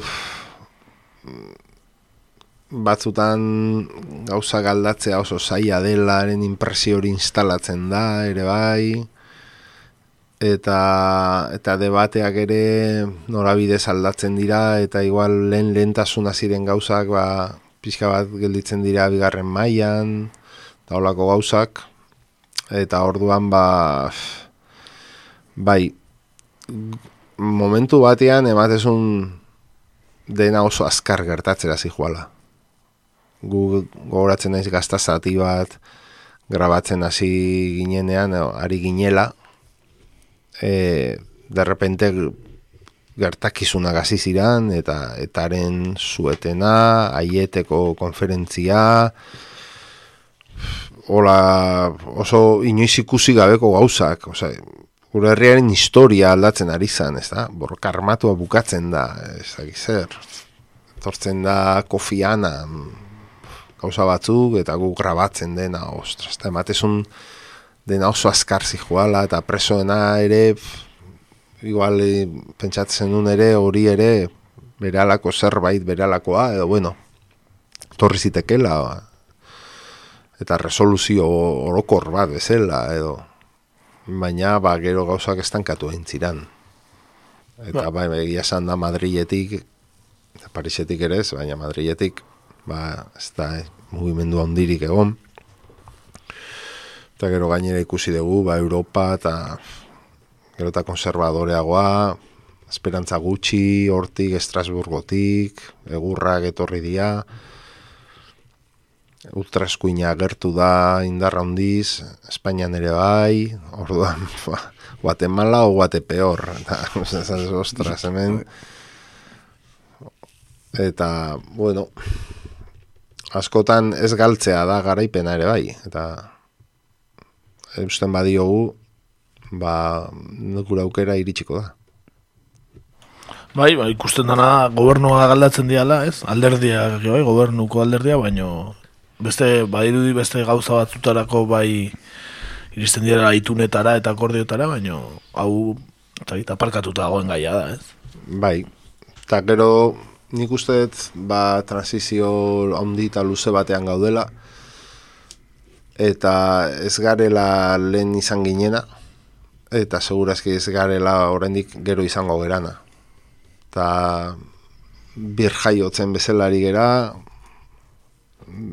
transformatzen, bandera berriak, aurkitzen, molde berriak, diskurso berriak ere bai, eta gauza batzuk desaktibatu india, beste batzuk ba, aktibatu nahian, baina formulak dana berrasmatu egin behar dira, eta ba, ematen du ba, hori prozesu neketxua dala eta luzea, ematen duenez amar urteo pasa dira eta uste torren di transizio hortan gaudela. Mm. Egoala aktibatuen dagoen mugimendua, ez? Baita Euskal Herren ere feminismoa izango. Uste hori dala azken urte guzti hauetako iraultza hundiena edo kontzientziazio sozial handiena eta garaipen handiena. Hor, eta transversalena ere bai. Oso importantea. Eta bai, hori hori izango da. Bertxola izan ere, nik uste hori dela azken iraultza handia. Emakumezkoek ekarri dutena. Eta, eta hemen ere esango nuke baietz. Eta nik uste ba, guk ere ba, asmatu bar degula garaietara egokitzen eta bandera berriak sortzen, konexio berriak eta transversalidade berriak eta lehen hasiera aipatu ditugun gauza horiek, ez da, ba, borroka da, dena daude konektatuta eta nik uste dut oinarri aman komun batean eta ardatz orokor batzuren bueltan, ba, azkenean ba, mundu aldatu nahi dugun personak elkartzea bilatu behar degula. Eta transformazio sozial horren bilajun behar dela eta pizkanak asmatu behar dugu aktibatzen gizart, lokartuta dauden gizartean sektoreak edo etxipenean daudenak ere bai, baina nik uste Euskal Herriak badaukala aukera hori, herri txiki bagera eta eta gizartea aldatzeko aukera handiagoak ematen dizkigu horrek.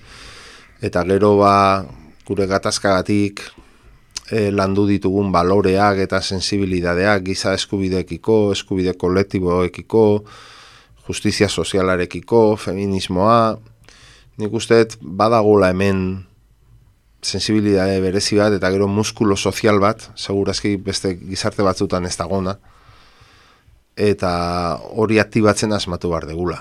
Eta hori hemen posible degula benetako ba, gizarte balorez betetako gizarte berri bat, Euskal Herri berri bat lortzea.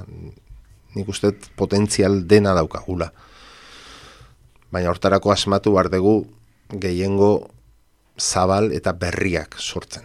Ze oraingo indar korrelazioan ikusiko dugu, eh? ustaia amabian ere segertatuko da.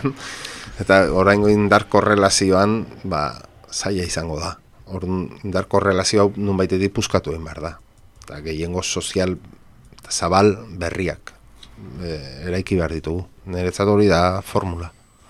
Azken aldean asko entzuten da hori ez, Euskal Herria aukeratzen dituen agintariak baino ezkertiarragoa dela ez? Nik uste Euskal Herria ba dela aurrerako ja, badela. Berez bada hori. Eta badaude garaipen historikoak zentzu horretan. Eta badago borroka tradizio historiko bat, oso indartsua. Europako beste leku batzutan ba, diluitu diren baloreak eta baina gu hemen ba, borroka antinuklear hartatik hasita edo gure hizkuntza gutxitu batekiko borrokari lotua ez da euskerarekin frankon garaitik edo insumisioaren borroka antimilitarista ere bai, garaipenak, ez da? Eta orain feminismoa ere euskal gizartean lortu duen indar posizio hori ere bai. Nik uste badaudela balore horiek. Justizia sozialean, gutxiengo minoriekiko, berdintasunean, eta baldintza horiek badaudela iruditze zait. Asmatu behar dugu, ba, baldintza horiek aktibatzen eta inklusiboak izan daitezen, eta ez esklusi, esklusiboak edo ez inor kanpoan usten aldala. Ikuste dut, hemen joera handia daukagula elkar ostiatzeko, eta faioak ateratzeko, bat abestiai, eta gauza gaurpegiratzeko, ere bai, ni batzutan kanpotik ikusten dut Twitter eta ikusten ditut de joder, eske esto incluso zaila den hemen eh, osea hemen dana zer den failua gateratzea dedikatzea eta eta inkoherentzia bilatzea besteari eta ez dakiz zer eta hostia edo, edo, edo usten ditugu gauza hori pixka bat alde batera eta saiatzen gera gure kontra esan guztiekin, eta gure gabezia guztiekin bat egiten, eta gehiengo zabal eta handi bat eraikitzen, edo beti egongo gera bazterrean, eta, eta menpe. En, nik uste gai honekin hitz egin dugula nahikoa, agian laburrago edo, bueno, esan nahi dut ordu terdi pasatxo gazelako, oso ah, gustora, bai. oso gustora gaude. Ba, agian e, pixka gaiarekin aldatuz beste gai bat bastante agertzen dana zure ba, bai, abestietan, liburuetan eta bar izan daiteke itxasoa, ez? Eta ia ternuaraino ere joan zinen, ez da? Bai, bai, aventuran. Hor, beti dago itxasoa ba, zure, zure bai. lanetan ere beti ez. Ni uste sumaian bizitzeak hori eman didala eta nahi eta nahi ez aurrean daukazu beti. Aparte, ba, ba, metafora bat oso erabilia eta universala, ez da ez da ni deskubritu itxaso. Baina bai oso presente eukidet beti eta oso itxaso salea naiz ere bai, arraunlaria ere izan naiz urte desentetan, umetatik hasita eta ba hor daukat. Aitzetara jutea gustatzen zait arrantzara olagarroak eta nekorak eta oso hartzera txikitatik eta eta gero ja ba albaolarekin harreman hori hasi nun espedizio hartan apaizako beto espedizioan eta horrek ere asko markatu ninduen fantasia bat bezala izan zen espedizio hori pelikula, bezala, pelikula baten barruan egotea bezala, edo, esango duke denboraren makina batean. Horein dala boste un urteko e, ropak jantzita eta amazigarren mendeko bale txalupa batean, eta... Zahardo edaten? Ba, Zahardo ez genuen eraman. Ez, ez. Haiek eramate zuten barko handitan, kupeletan. Ah, Baina bai, integrala zan zentzu horretan, gero Kanadako ba, paraje Ipar Atlantikoko kostalde guzti hori, zoragarria, baleen artean egunero, islak, nazio indio nortamerikanoak, eta... Txikitako amets bat bezala. Bai, amets bat. Eh? Gainean neri hori asko gustatu zai beti, asko irakurri dut, eta piratak, eta eta bapatean ba, hauntz larroi jantzita hor, zure burua arraunean egunean amabi ordu, amar ordu, eta baleen artean, eta ondartzetan lo egin, da sua egin egunero, eta ropak lehortzeko, eta holako gauzak, ba, kiston aventurak ziren. Zer ma demora, egintzen duten? Berro eta biegun. Berro eta biegun. Eta gainera, ba, ez, ez zala, ba, Himalaiako mendi bat igotzearen logika, hausan gure historiaren bideak egitea eta ezagutzera ematea euskalduneri. E, era bat ba eskutuan zegon gure historiaren pasarte hori. E, sozializatzeko modu bat izan zen espedizio ba extravagante bat egitea. Atentzioa geure ganatzeko ez da gure historiarekiko eta lortu gendun egia esan da lortu gendun ordutik desente hitz egiten da Eta gero den altxorrak ez, hitz batzuk euskera zoain dik zekizkitela, gero aizkora baten kontua bai akordatzen naiz, ez? Denetarik, bai. Hor badago historia oso bat, ez da, Euskaldunak Nortamerikan. Ez da gona liburutan, eta ez da Nortamerikaren ofiz, historia ofizialean agertzen, baina, baina teoria bat dela esan daiteke, Euskaldunegan osatzen dutena.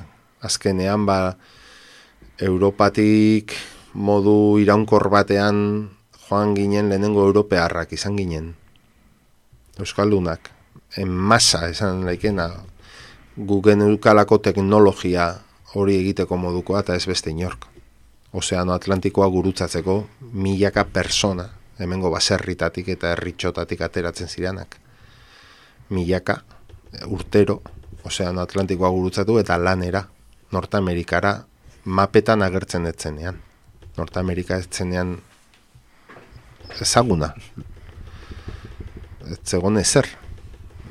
Indi, indio nazioak. Bai, deskubritu gabe handian. Eh? Bai, deskubritzea esaten dugun hori. Bueno, hori, bai, Eta Nova Yorkera jute ziran balea gartzera. Mm -hmm. Anetzegon ezer. Antzeden, ez, antzeden ba, indio manjatoak, ez da? Horregaiti dala manjatan.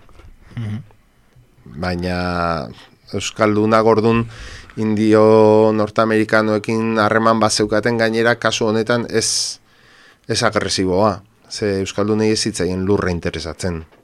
bakarri garrantza, bakarri balea, eta bakaiagoa. Orduan, e, ez ziren angelditzen inoiz, ez, ez, ez zeukaten asentamintorik. Eta orduan kolaboratiboa zan harremana, truke, truke harremana zan gainera. Eta horrela ikasi zuten euskeraz, eta horrela bihurtu zen euskera lehenengo hizkuntza komerziala Norteamerikaren historian. Eun urte pasa. Bai, hortik hitz egitezan, denek euskera egin bartzuten indioekin e, negozioak egiteko. Inglesek, portugesek, frantsesek, denek. Oian, bihurtu lite zitekeen, orduan, e, ingelesa dan, euskera, eh? ala zan, ala zan, bai. Esate zaie pidgin hizkuntzak, diala hizkuntza harreman komerzialetarako hizkuntzak. Mm -hmm. iristen hizkuntza kategoriara, etzeukan gramatikari izan mordoioa zela, euskera zan zentrala. Hortik gelditzen dira oraindik hitz batzuk, bai. Apaizako beto bera, ez? espresioa. bai, horrek demostratzen du ba harreman hori. Frogatzen du, ez da? Eta Euskaldunek umore pixkat erabiltzen zutela, gara jartan ere. Eta indioek, pentsa, Euskal umorea erabiltzen zutela. Hori gaitik gustatu zitzaigun. Ba, harreman on bat eta gaina umorea zegoela, ez da? Eta gero ba egon ginen indio jefe batekin baino gehiago eta berai kontatze zizkiguten Euskaldunei buruzko gauzak. Orduan Euskalduna lehenengo aktibidade industriala Norteamerikaren historian Euskaldunek eraikitako labeak izan ziren. Labeak balearen grasa urtu eta olioa egiteko, geroan enbasatzen zuten, eta ja saltzeko enpaketatua ekartzen zuten barkutan. E, hori da lehenengo aktibidade industriala Norteamerikan. Edo Norteamerikako testu idatzi zarrenak Euskaldunen testamentua dira, bi arrantzalerenak orioko arpoilari batenak, Joanes Etxan izena, eta ondarrebiko beste batena. Testu idatzi zarrenak, Nortamerikan. Zer altxorra Hori dana gurea dira, eta, eta hori dena astuta eukidegu. Eta gure barkua zian amazi garremeneko koeteak, ze, Euskal Herria zan vanguardia teknologikoa. Hemen egite zian amazi garremeneko koeteak. Hau zan NASA, bezala hemen zeuden lareun burdinola baino gehiago, egoaldean.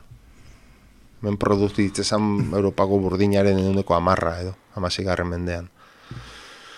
Eta gure orografiagatik, gure erreke, errekak, koitibera, baiaretatik. Bai, bertako e, zuaitzak eta egurra ere. energia hidraulikoa, errota hundiak eta burdinola mailu hundiak mugitzeko, ba, miranda olakoa bezala edo, ezta?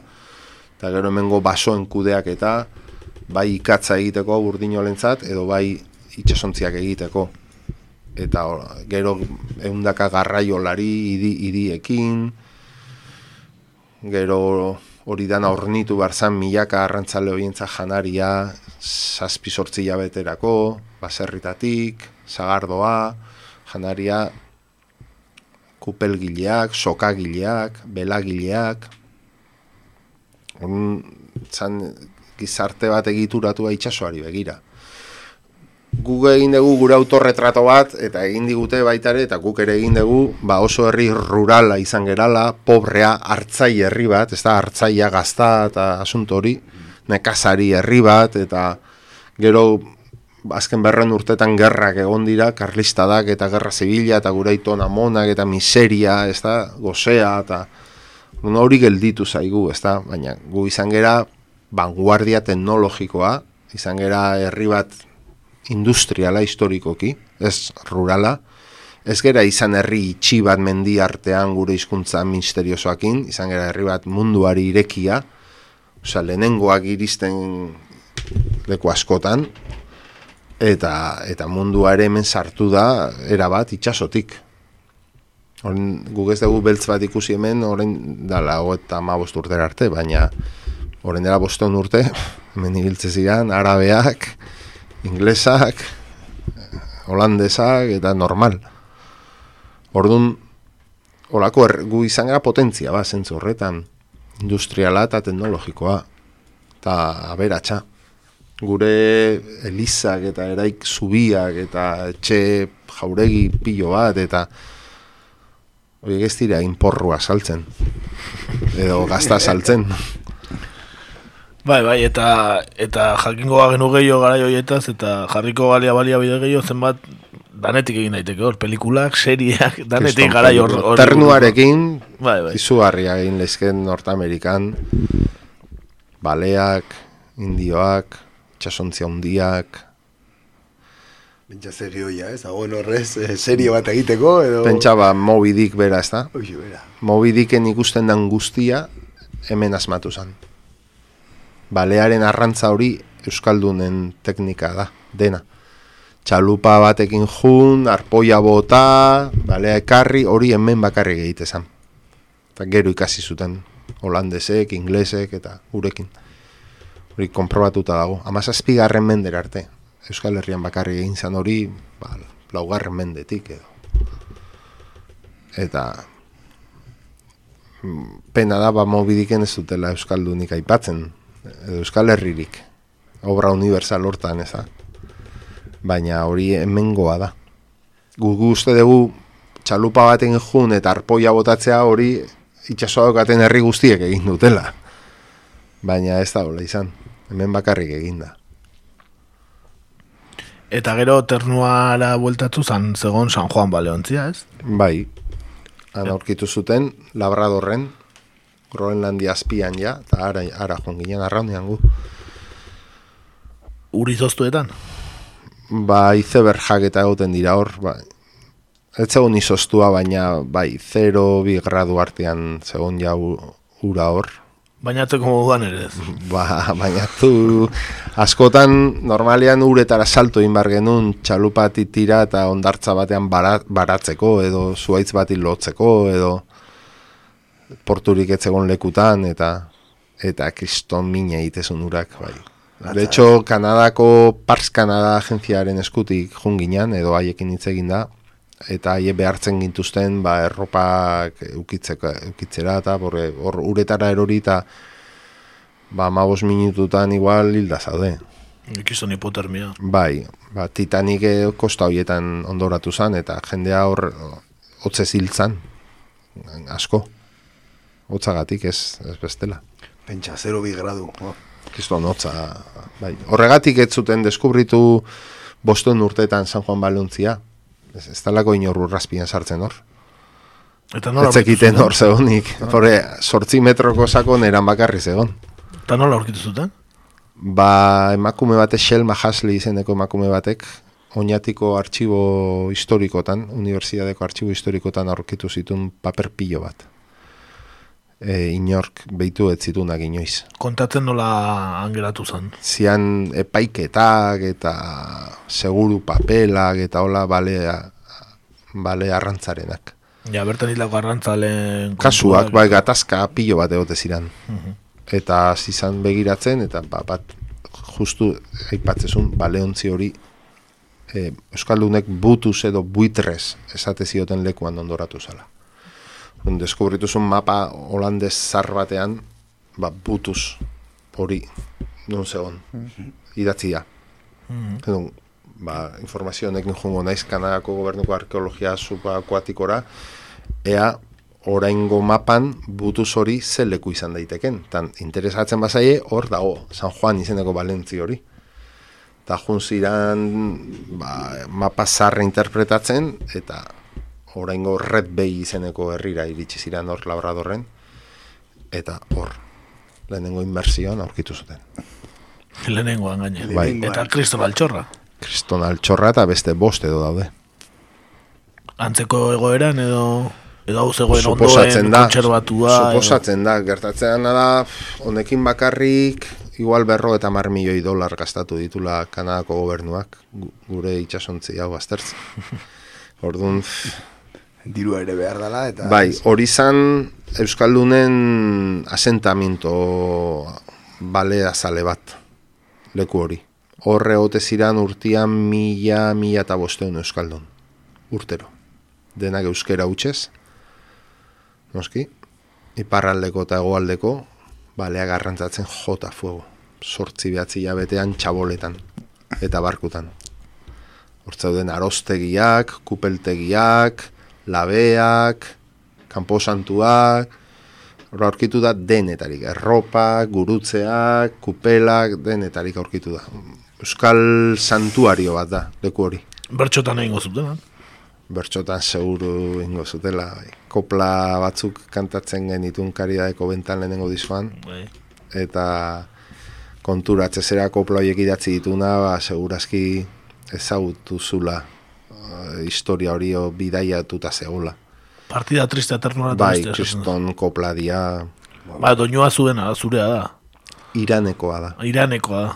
Ba, gero bertso doinu bezala geratu da. Bai. Zuke erabilia zu askotan. Eta bai, mm. hor gelitu da. Eta kopla horietan gauza izugarria kontatzen ditu anonimo batek. Ikusita dauzkat originala jo nintzen ikustera Baionako Euskal Museora.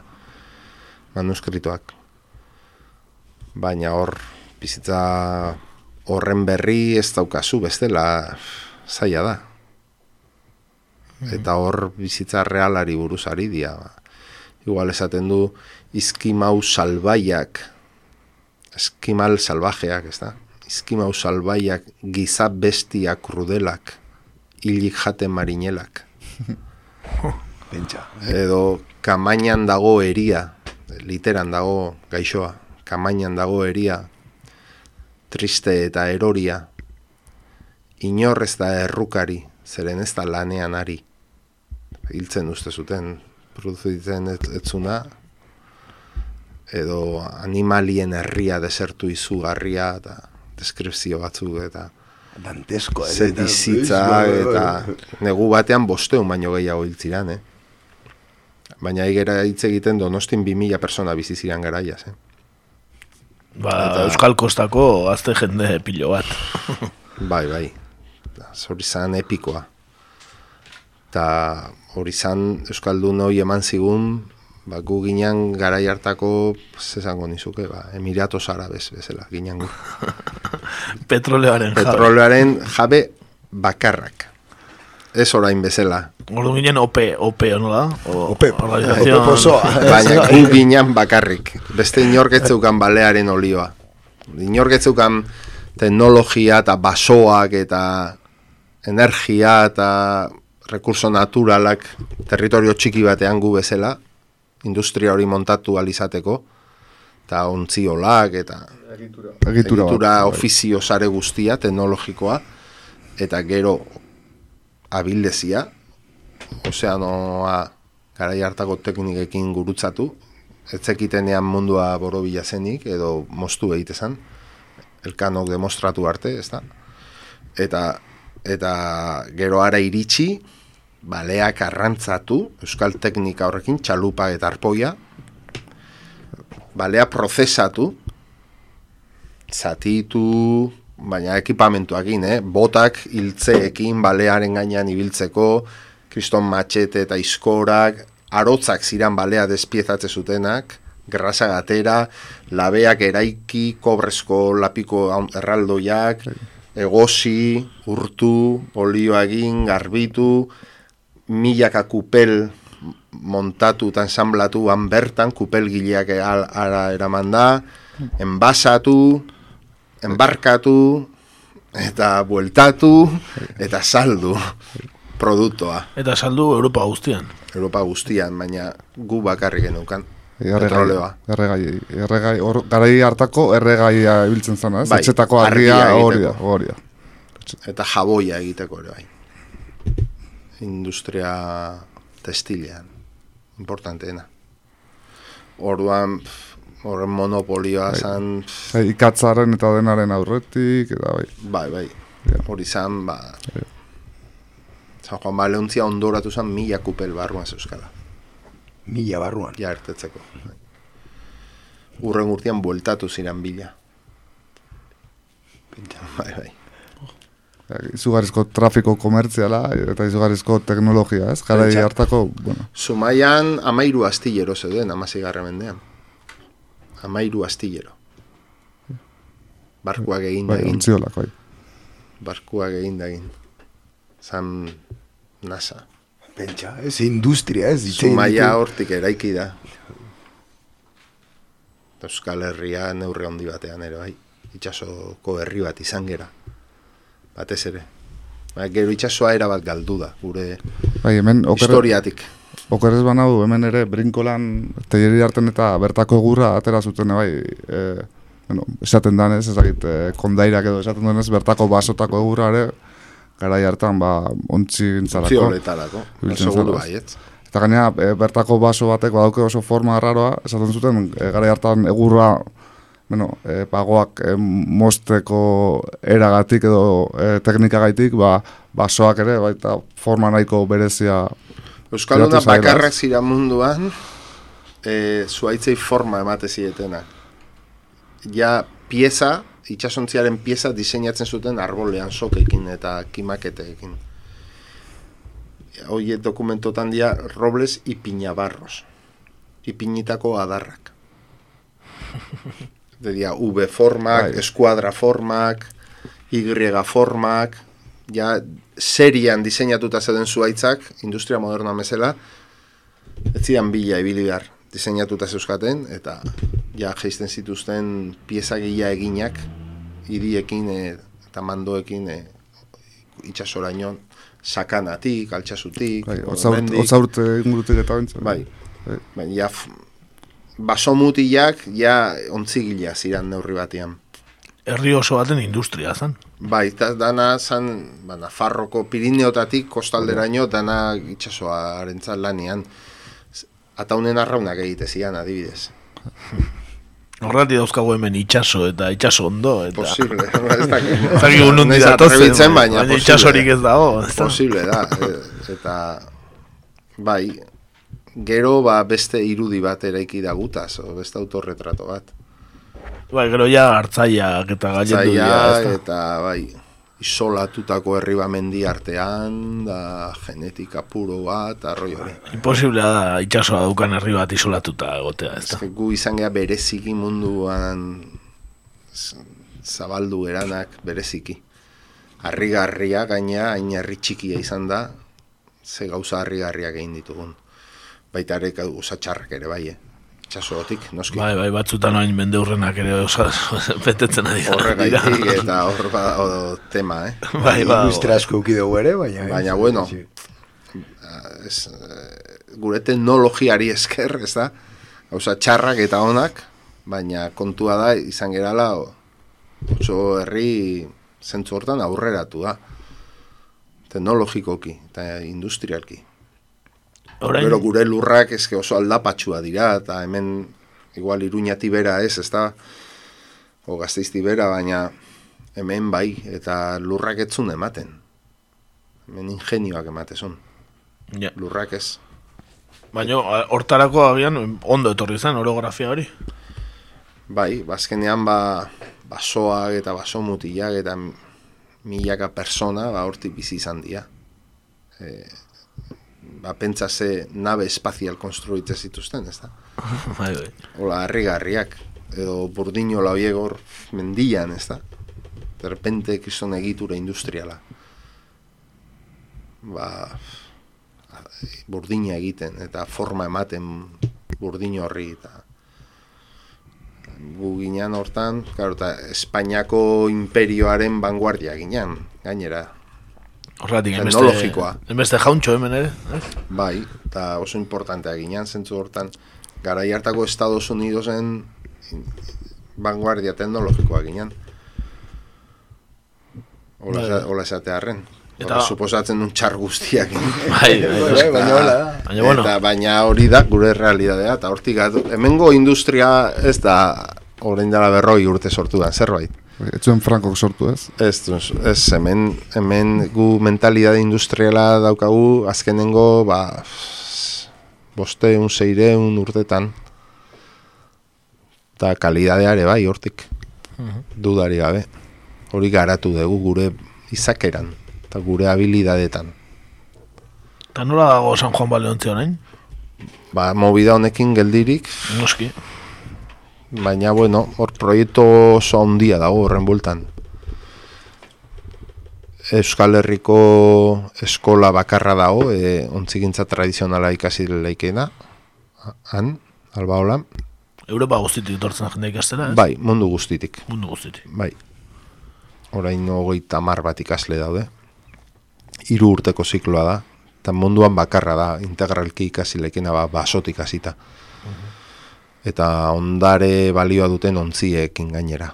Ez ontz, kompetiziorako ontzimu ez dakiz edo ez, baizik. Eta zentzu hortan ba, munduan leku bat eman dio albaolak euskal historiari, munduko itxas historiaren mapan, ez da, edo eta untzigintza tradizionalaren mapan zer esanik ez, eta oso, niretzat oso proiektu kargarria da, eta oso pioneroa, oso berritzailea, da oso integrala, hemengo identidadean eta historian oinarritua. Jakinduria espektakulo bihurtu duena, ez da. Hogan ikusten desuna da, jendea lan erraminta tradizionalekin ba, zuaitza hundiekin lanean. Eta gero itxasontziak nola altxatzen diran. Benetan toki harrigarria da eta ez, beste museo eredu bat bai, ez? Bai. Ez da museo bakarrik, baina museo eredua ere ezberdina. Era bat ezberdina da. Jende harritu egiten da. Han ura ikusten duna harritu egiten da. Euskaldunak harritu egiten dira, ez, asko ez dakitelako ze historia daukagun, eta gero ikusten desunean, eta ja gustatzen bat zeizu pixka bat, ba hori ez da, egurra o arotz lana o normalean ikusgarria dira gauza horiek. Ba, onelakorik ez dezu aurkituko, segurazki momentu honetan ia beste inon. Olako egurrezko eraikuntzak, San Juan Baleontzia orain ikusten badezu, amalau metroko alturakin eta ze strukturak dauzkan, dana aritzak, ba, harrigarria da. Epe luzeko proiektu ala ere, ez? Esan ez, ez, da, ez da San bai. Juan baleuntzearekin bukatuko. Gero eta ondiagoa dena, bai, bai, gero eta ondiagoa dena. Eta oso integrala da, oso, ez oso iraultzaia da. Eta gero ba beste bizio bat da baita naturarena, ere bai, industrialagoa da. Claro, zuaitz ba mostea gaur egun polemikoa izan leike, ez da? Bale bat izatzea are gehiago. Claro, hori are, hori bai ezin dezula ja de, defenditu, ez da? Ba, bueno, baina zu haitza, zen nahi dezu plastikozko barkoak egin, edo poliesterrezkoak, edo eta gero gaina horrek usten duen astarna kutsatzaileakin ere bai, edo, edo material berriztagarria erabili eta balorean jarri. Eta, eta eskutxatzailea, eta gainera ba, bakarri belaz eta arraunez mugitzen dira nibilgailuak, ez da? Atzera egin, agian aurrera egiteko. Bai, o, eske pilo bat erakusten digute. Pilo bat erakusten digute, eta da jasangarria eh, eredu hori. Eta bai, egurra defenestratu egin da, material berrien izenean, beti pentsatzen dugu berriena dela honena, eta despreziatu egin dugu egurra. Eta eta orduan ba bueno hor lan handi dago baita ere ba hori berreskuratzeko ez da egurra ba, elemento bezala eraikinak egiteko.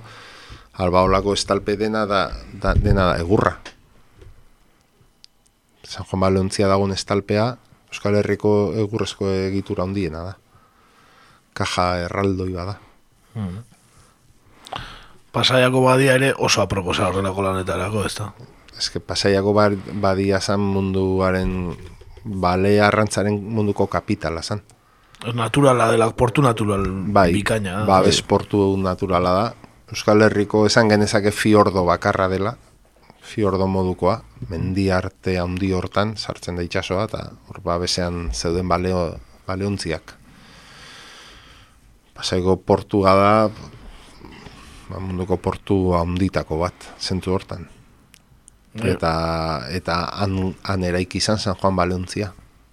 Mila bosteun da iruro eta iruan. Eta han eraikitzen ari dia berriz. Horrek ikusten da noizko edo? Ez. Ba, azkenean, hain zaila da, bai. Hain zaila da estimazioak egitea. Normalean diruaren arabera da. Zemat arotz dauzkasun lanean. Ba, hainbeste baina gero ba esperen, esperimentazio lan bada, ez dauka aurrekaririk ere, eta ez urte tardi izan leike, o, bai. Nere partetik besterik, ez, nere, bueno, ez er gai gehiago atera itzakegu, eh? Esan da, itzein dezakegu. bai, bai, ilundu arte, gaur behan ilunduko dula. Tematika desente dauzkat. Azkar animatzen gara gaina. Eta interesgarria, gaina. Ya lo creo, bai. Mundu desberdinak azkenean, ba. Neri hori gustatzen zait, edo, bueno, edo behintzat horrela atera zei bizitza, ez dakit zergaitik, ba, denetarik edo baina denean badaukat inkietu de motivatu egin bar naute gauzek. Motivatu egin bar naute. Eta horregatik egiten ditut. Bizitzeko ere egiten ditu zenbait gauza baina ia beti motivazioa behar dut pelikula dokumental bat egiteko oliburu bat edo disko bat ez dut egiten ondo pasatzeko. Mm -hmm. Albadet bai. Baina sentitzen dut egin behar dut eh, batzutan bete da, jo, ez badegu egiten ez du inork egingo. Ez da? Apaizako beto hori izan.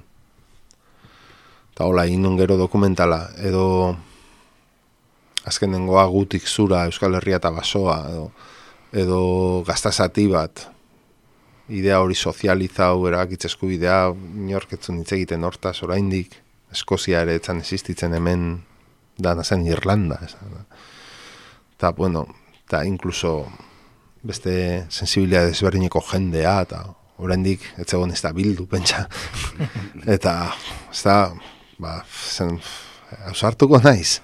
Mhm. sartuko naiz eta venga ba bai. Eta hola iten ditut eta beti ba, lau bos gauza desberdin ukitzen ditut hor. Batzuk bihurtu dira iraunkor xamarrak ba, identitatearen gai hori edo mm integrazioa hori. Eta ez batzu baldatzen juten diare bai. Orain beste mundu bat posible dela eta horrekin dabil e, krisi honetatik e, virusaren krisi honetatik webgune bat sortu dugu, beste mundu bat posible da punto eus, mapa batekin, eta horra, zure izena agertu daiteke mapa hortan, e, atxikimendu ematen badezu, eta bueno, orain horrekin entreten dituta. Gai horrek ere emango eman ditzake frutu asko, ez no? Eman ditzake, bai, bai, hor gabiltza ber nunditira e, gai horrekin, eta asmo batzuk ere bai buruan horrekin, eta ikusiko dugu.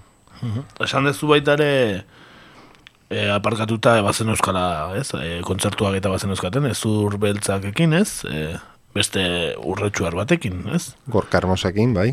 Eta ba, ukazu harrik uspenik ezin da jakin, ez da? Ba, lengua astean sartu zaigu kontzertu bat, Augustua gama bosterako, errenterin, eta besteak erorin zaizkigu gen euskanak, ba, pena eta diskoaren nahi genuen aurten atera, baina ez dakit. Bigarrena? Letra gehitera ez naiz jartzen.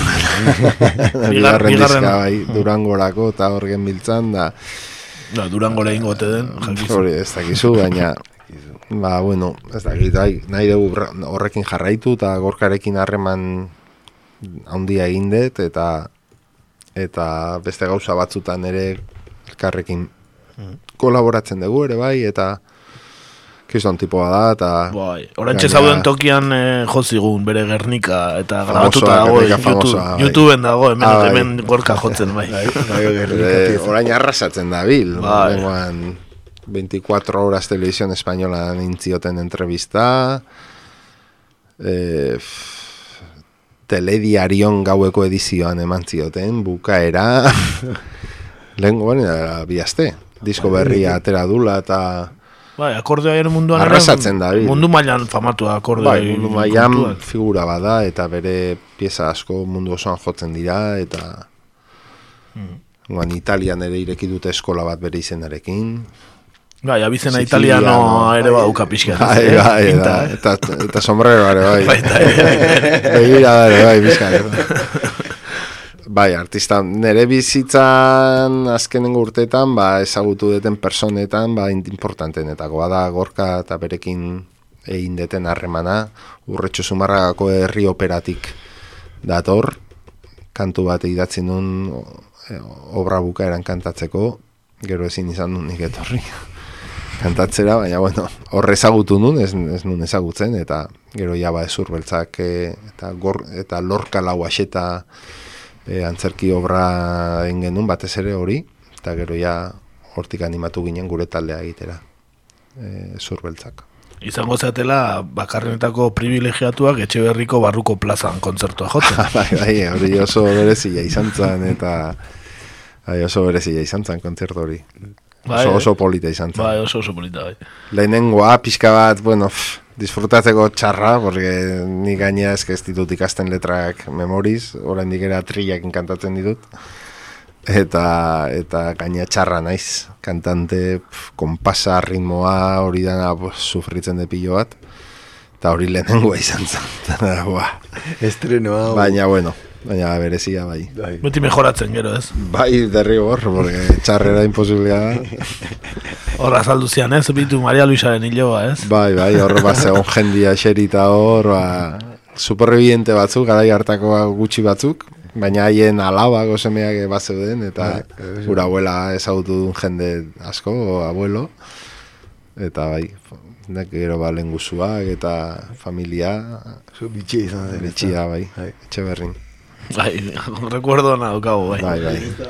Ea, ba, berriro niz datozten, ez? Bai, ba, egia zen ez dugu hemendik, bueno, sumarragan uste, ez, ez, ez dut uste jode gunik gehiago, hemen. Ezur beltzakekin ez nuke Ez dut ustez, egon geranik. Bueno, bigarren diskoaren zai egongo gaur Bai, bai, etortzeko. aberre, aberre iten dugu. Jartzen nahi zen pixkat. Beno, ba, nahi ba ez hemen utziko dugu, edo baldin badok ez ez zer esateko. Asko esan dugu, ez da? Asko Eh, esan dugu, bai. dugu, eta... Ez dakit norbaitek entzungo zu. Bai, seguru, bai. Bate bate egongo da beti, Zu baino reklamo hoik ez dugu gure irratxa jantzuteko. Ez dezute propaganda ez, eh? ez, momentuz ez, baina entzungo da gerora ere. eh, ez dakit nola bukatu, edo abesti bat jarri edo bertso bat eskatu, Jon. Ba, abesti bat jarri. Abesti bat jarri. Ba, orduan, ez urbeltzaken abestia, jarriko dugu munduak leku bat, eh? Hitz egiten du baita, Bai, abuela da, ataz. bai, eh?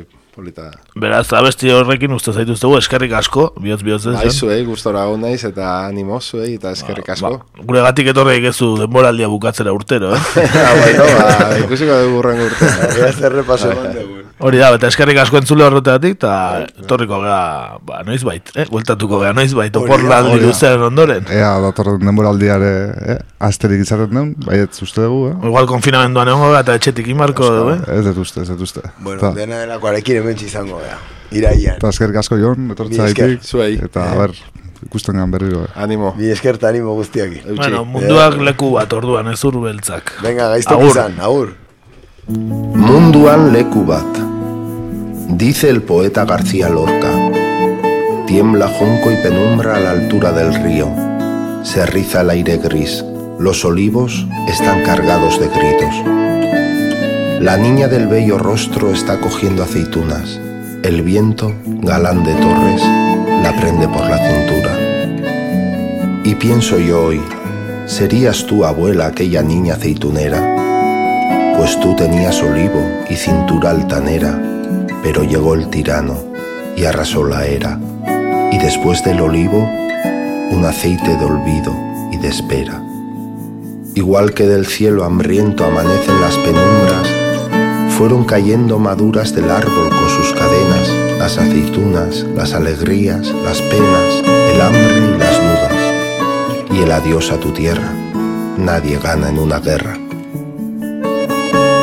Los trenes eran ríos que venían hacia el mar, hacia un norte sin olivos, más promesa que lugar. Y llegaste a tierras vascas, joven y manchurriana, Belarrimoza, Esurbelza, Maqueta, coreana, pero tal como eras madre, ya casi eras ama. Maletas de vida nueva, cargadas de ropa vieja, en una tierra que nieva y un sol que se aleja. Fuiste a vivir a Echeverri, pero viviste en Chiverri, con Elvira la gallega y Osvaldo el salmantino, la Charo de Asturias, de Zamora el Joselino. Nos cogías entre arrumacos, tus nietos de la Icastola, de tu boca, Casasola. Nosotros fuimos tus ñacos, los chachos de tus genes, y egoitzera egoí, y arcaitz arcaí, qué nombre los nenes. Graciosa y refranera me decías lo importante, yendo yo a cantar en euskera, John, antes del cante, la paga por delante. Te fuiste viejita abuelita, y antes que tú el abuelo, hoy hay en el aire un olor, son las migas en el cielo. Hoy huele a tomillo y laurel, no laurel de emperadores, sino de gente del campo, del campo de tus amores. Te veo otra vez, abuela, junto al olivo olvidado, encima de este tablado, como paloma que vuela.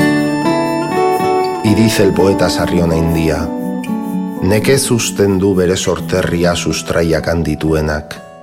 Difícilmente deja su tierra quien allá tiene sus raíces. Y sigue el poeta Lorca.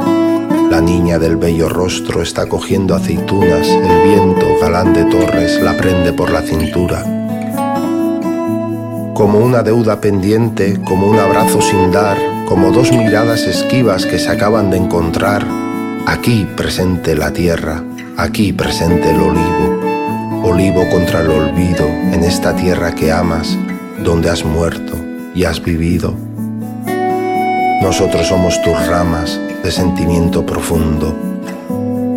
Nosotros somos tus ramas de sentimiento profundo. ¿Qué más nos podría dar la tierra que unas aceitunas y un lugar en el mundo?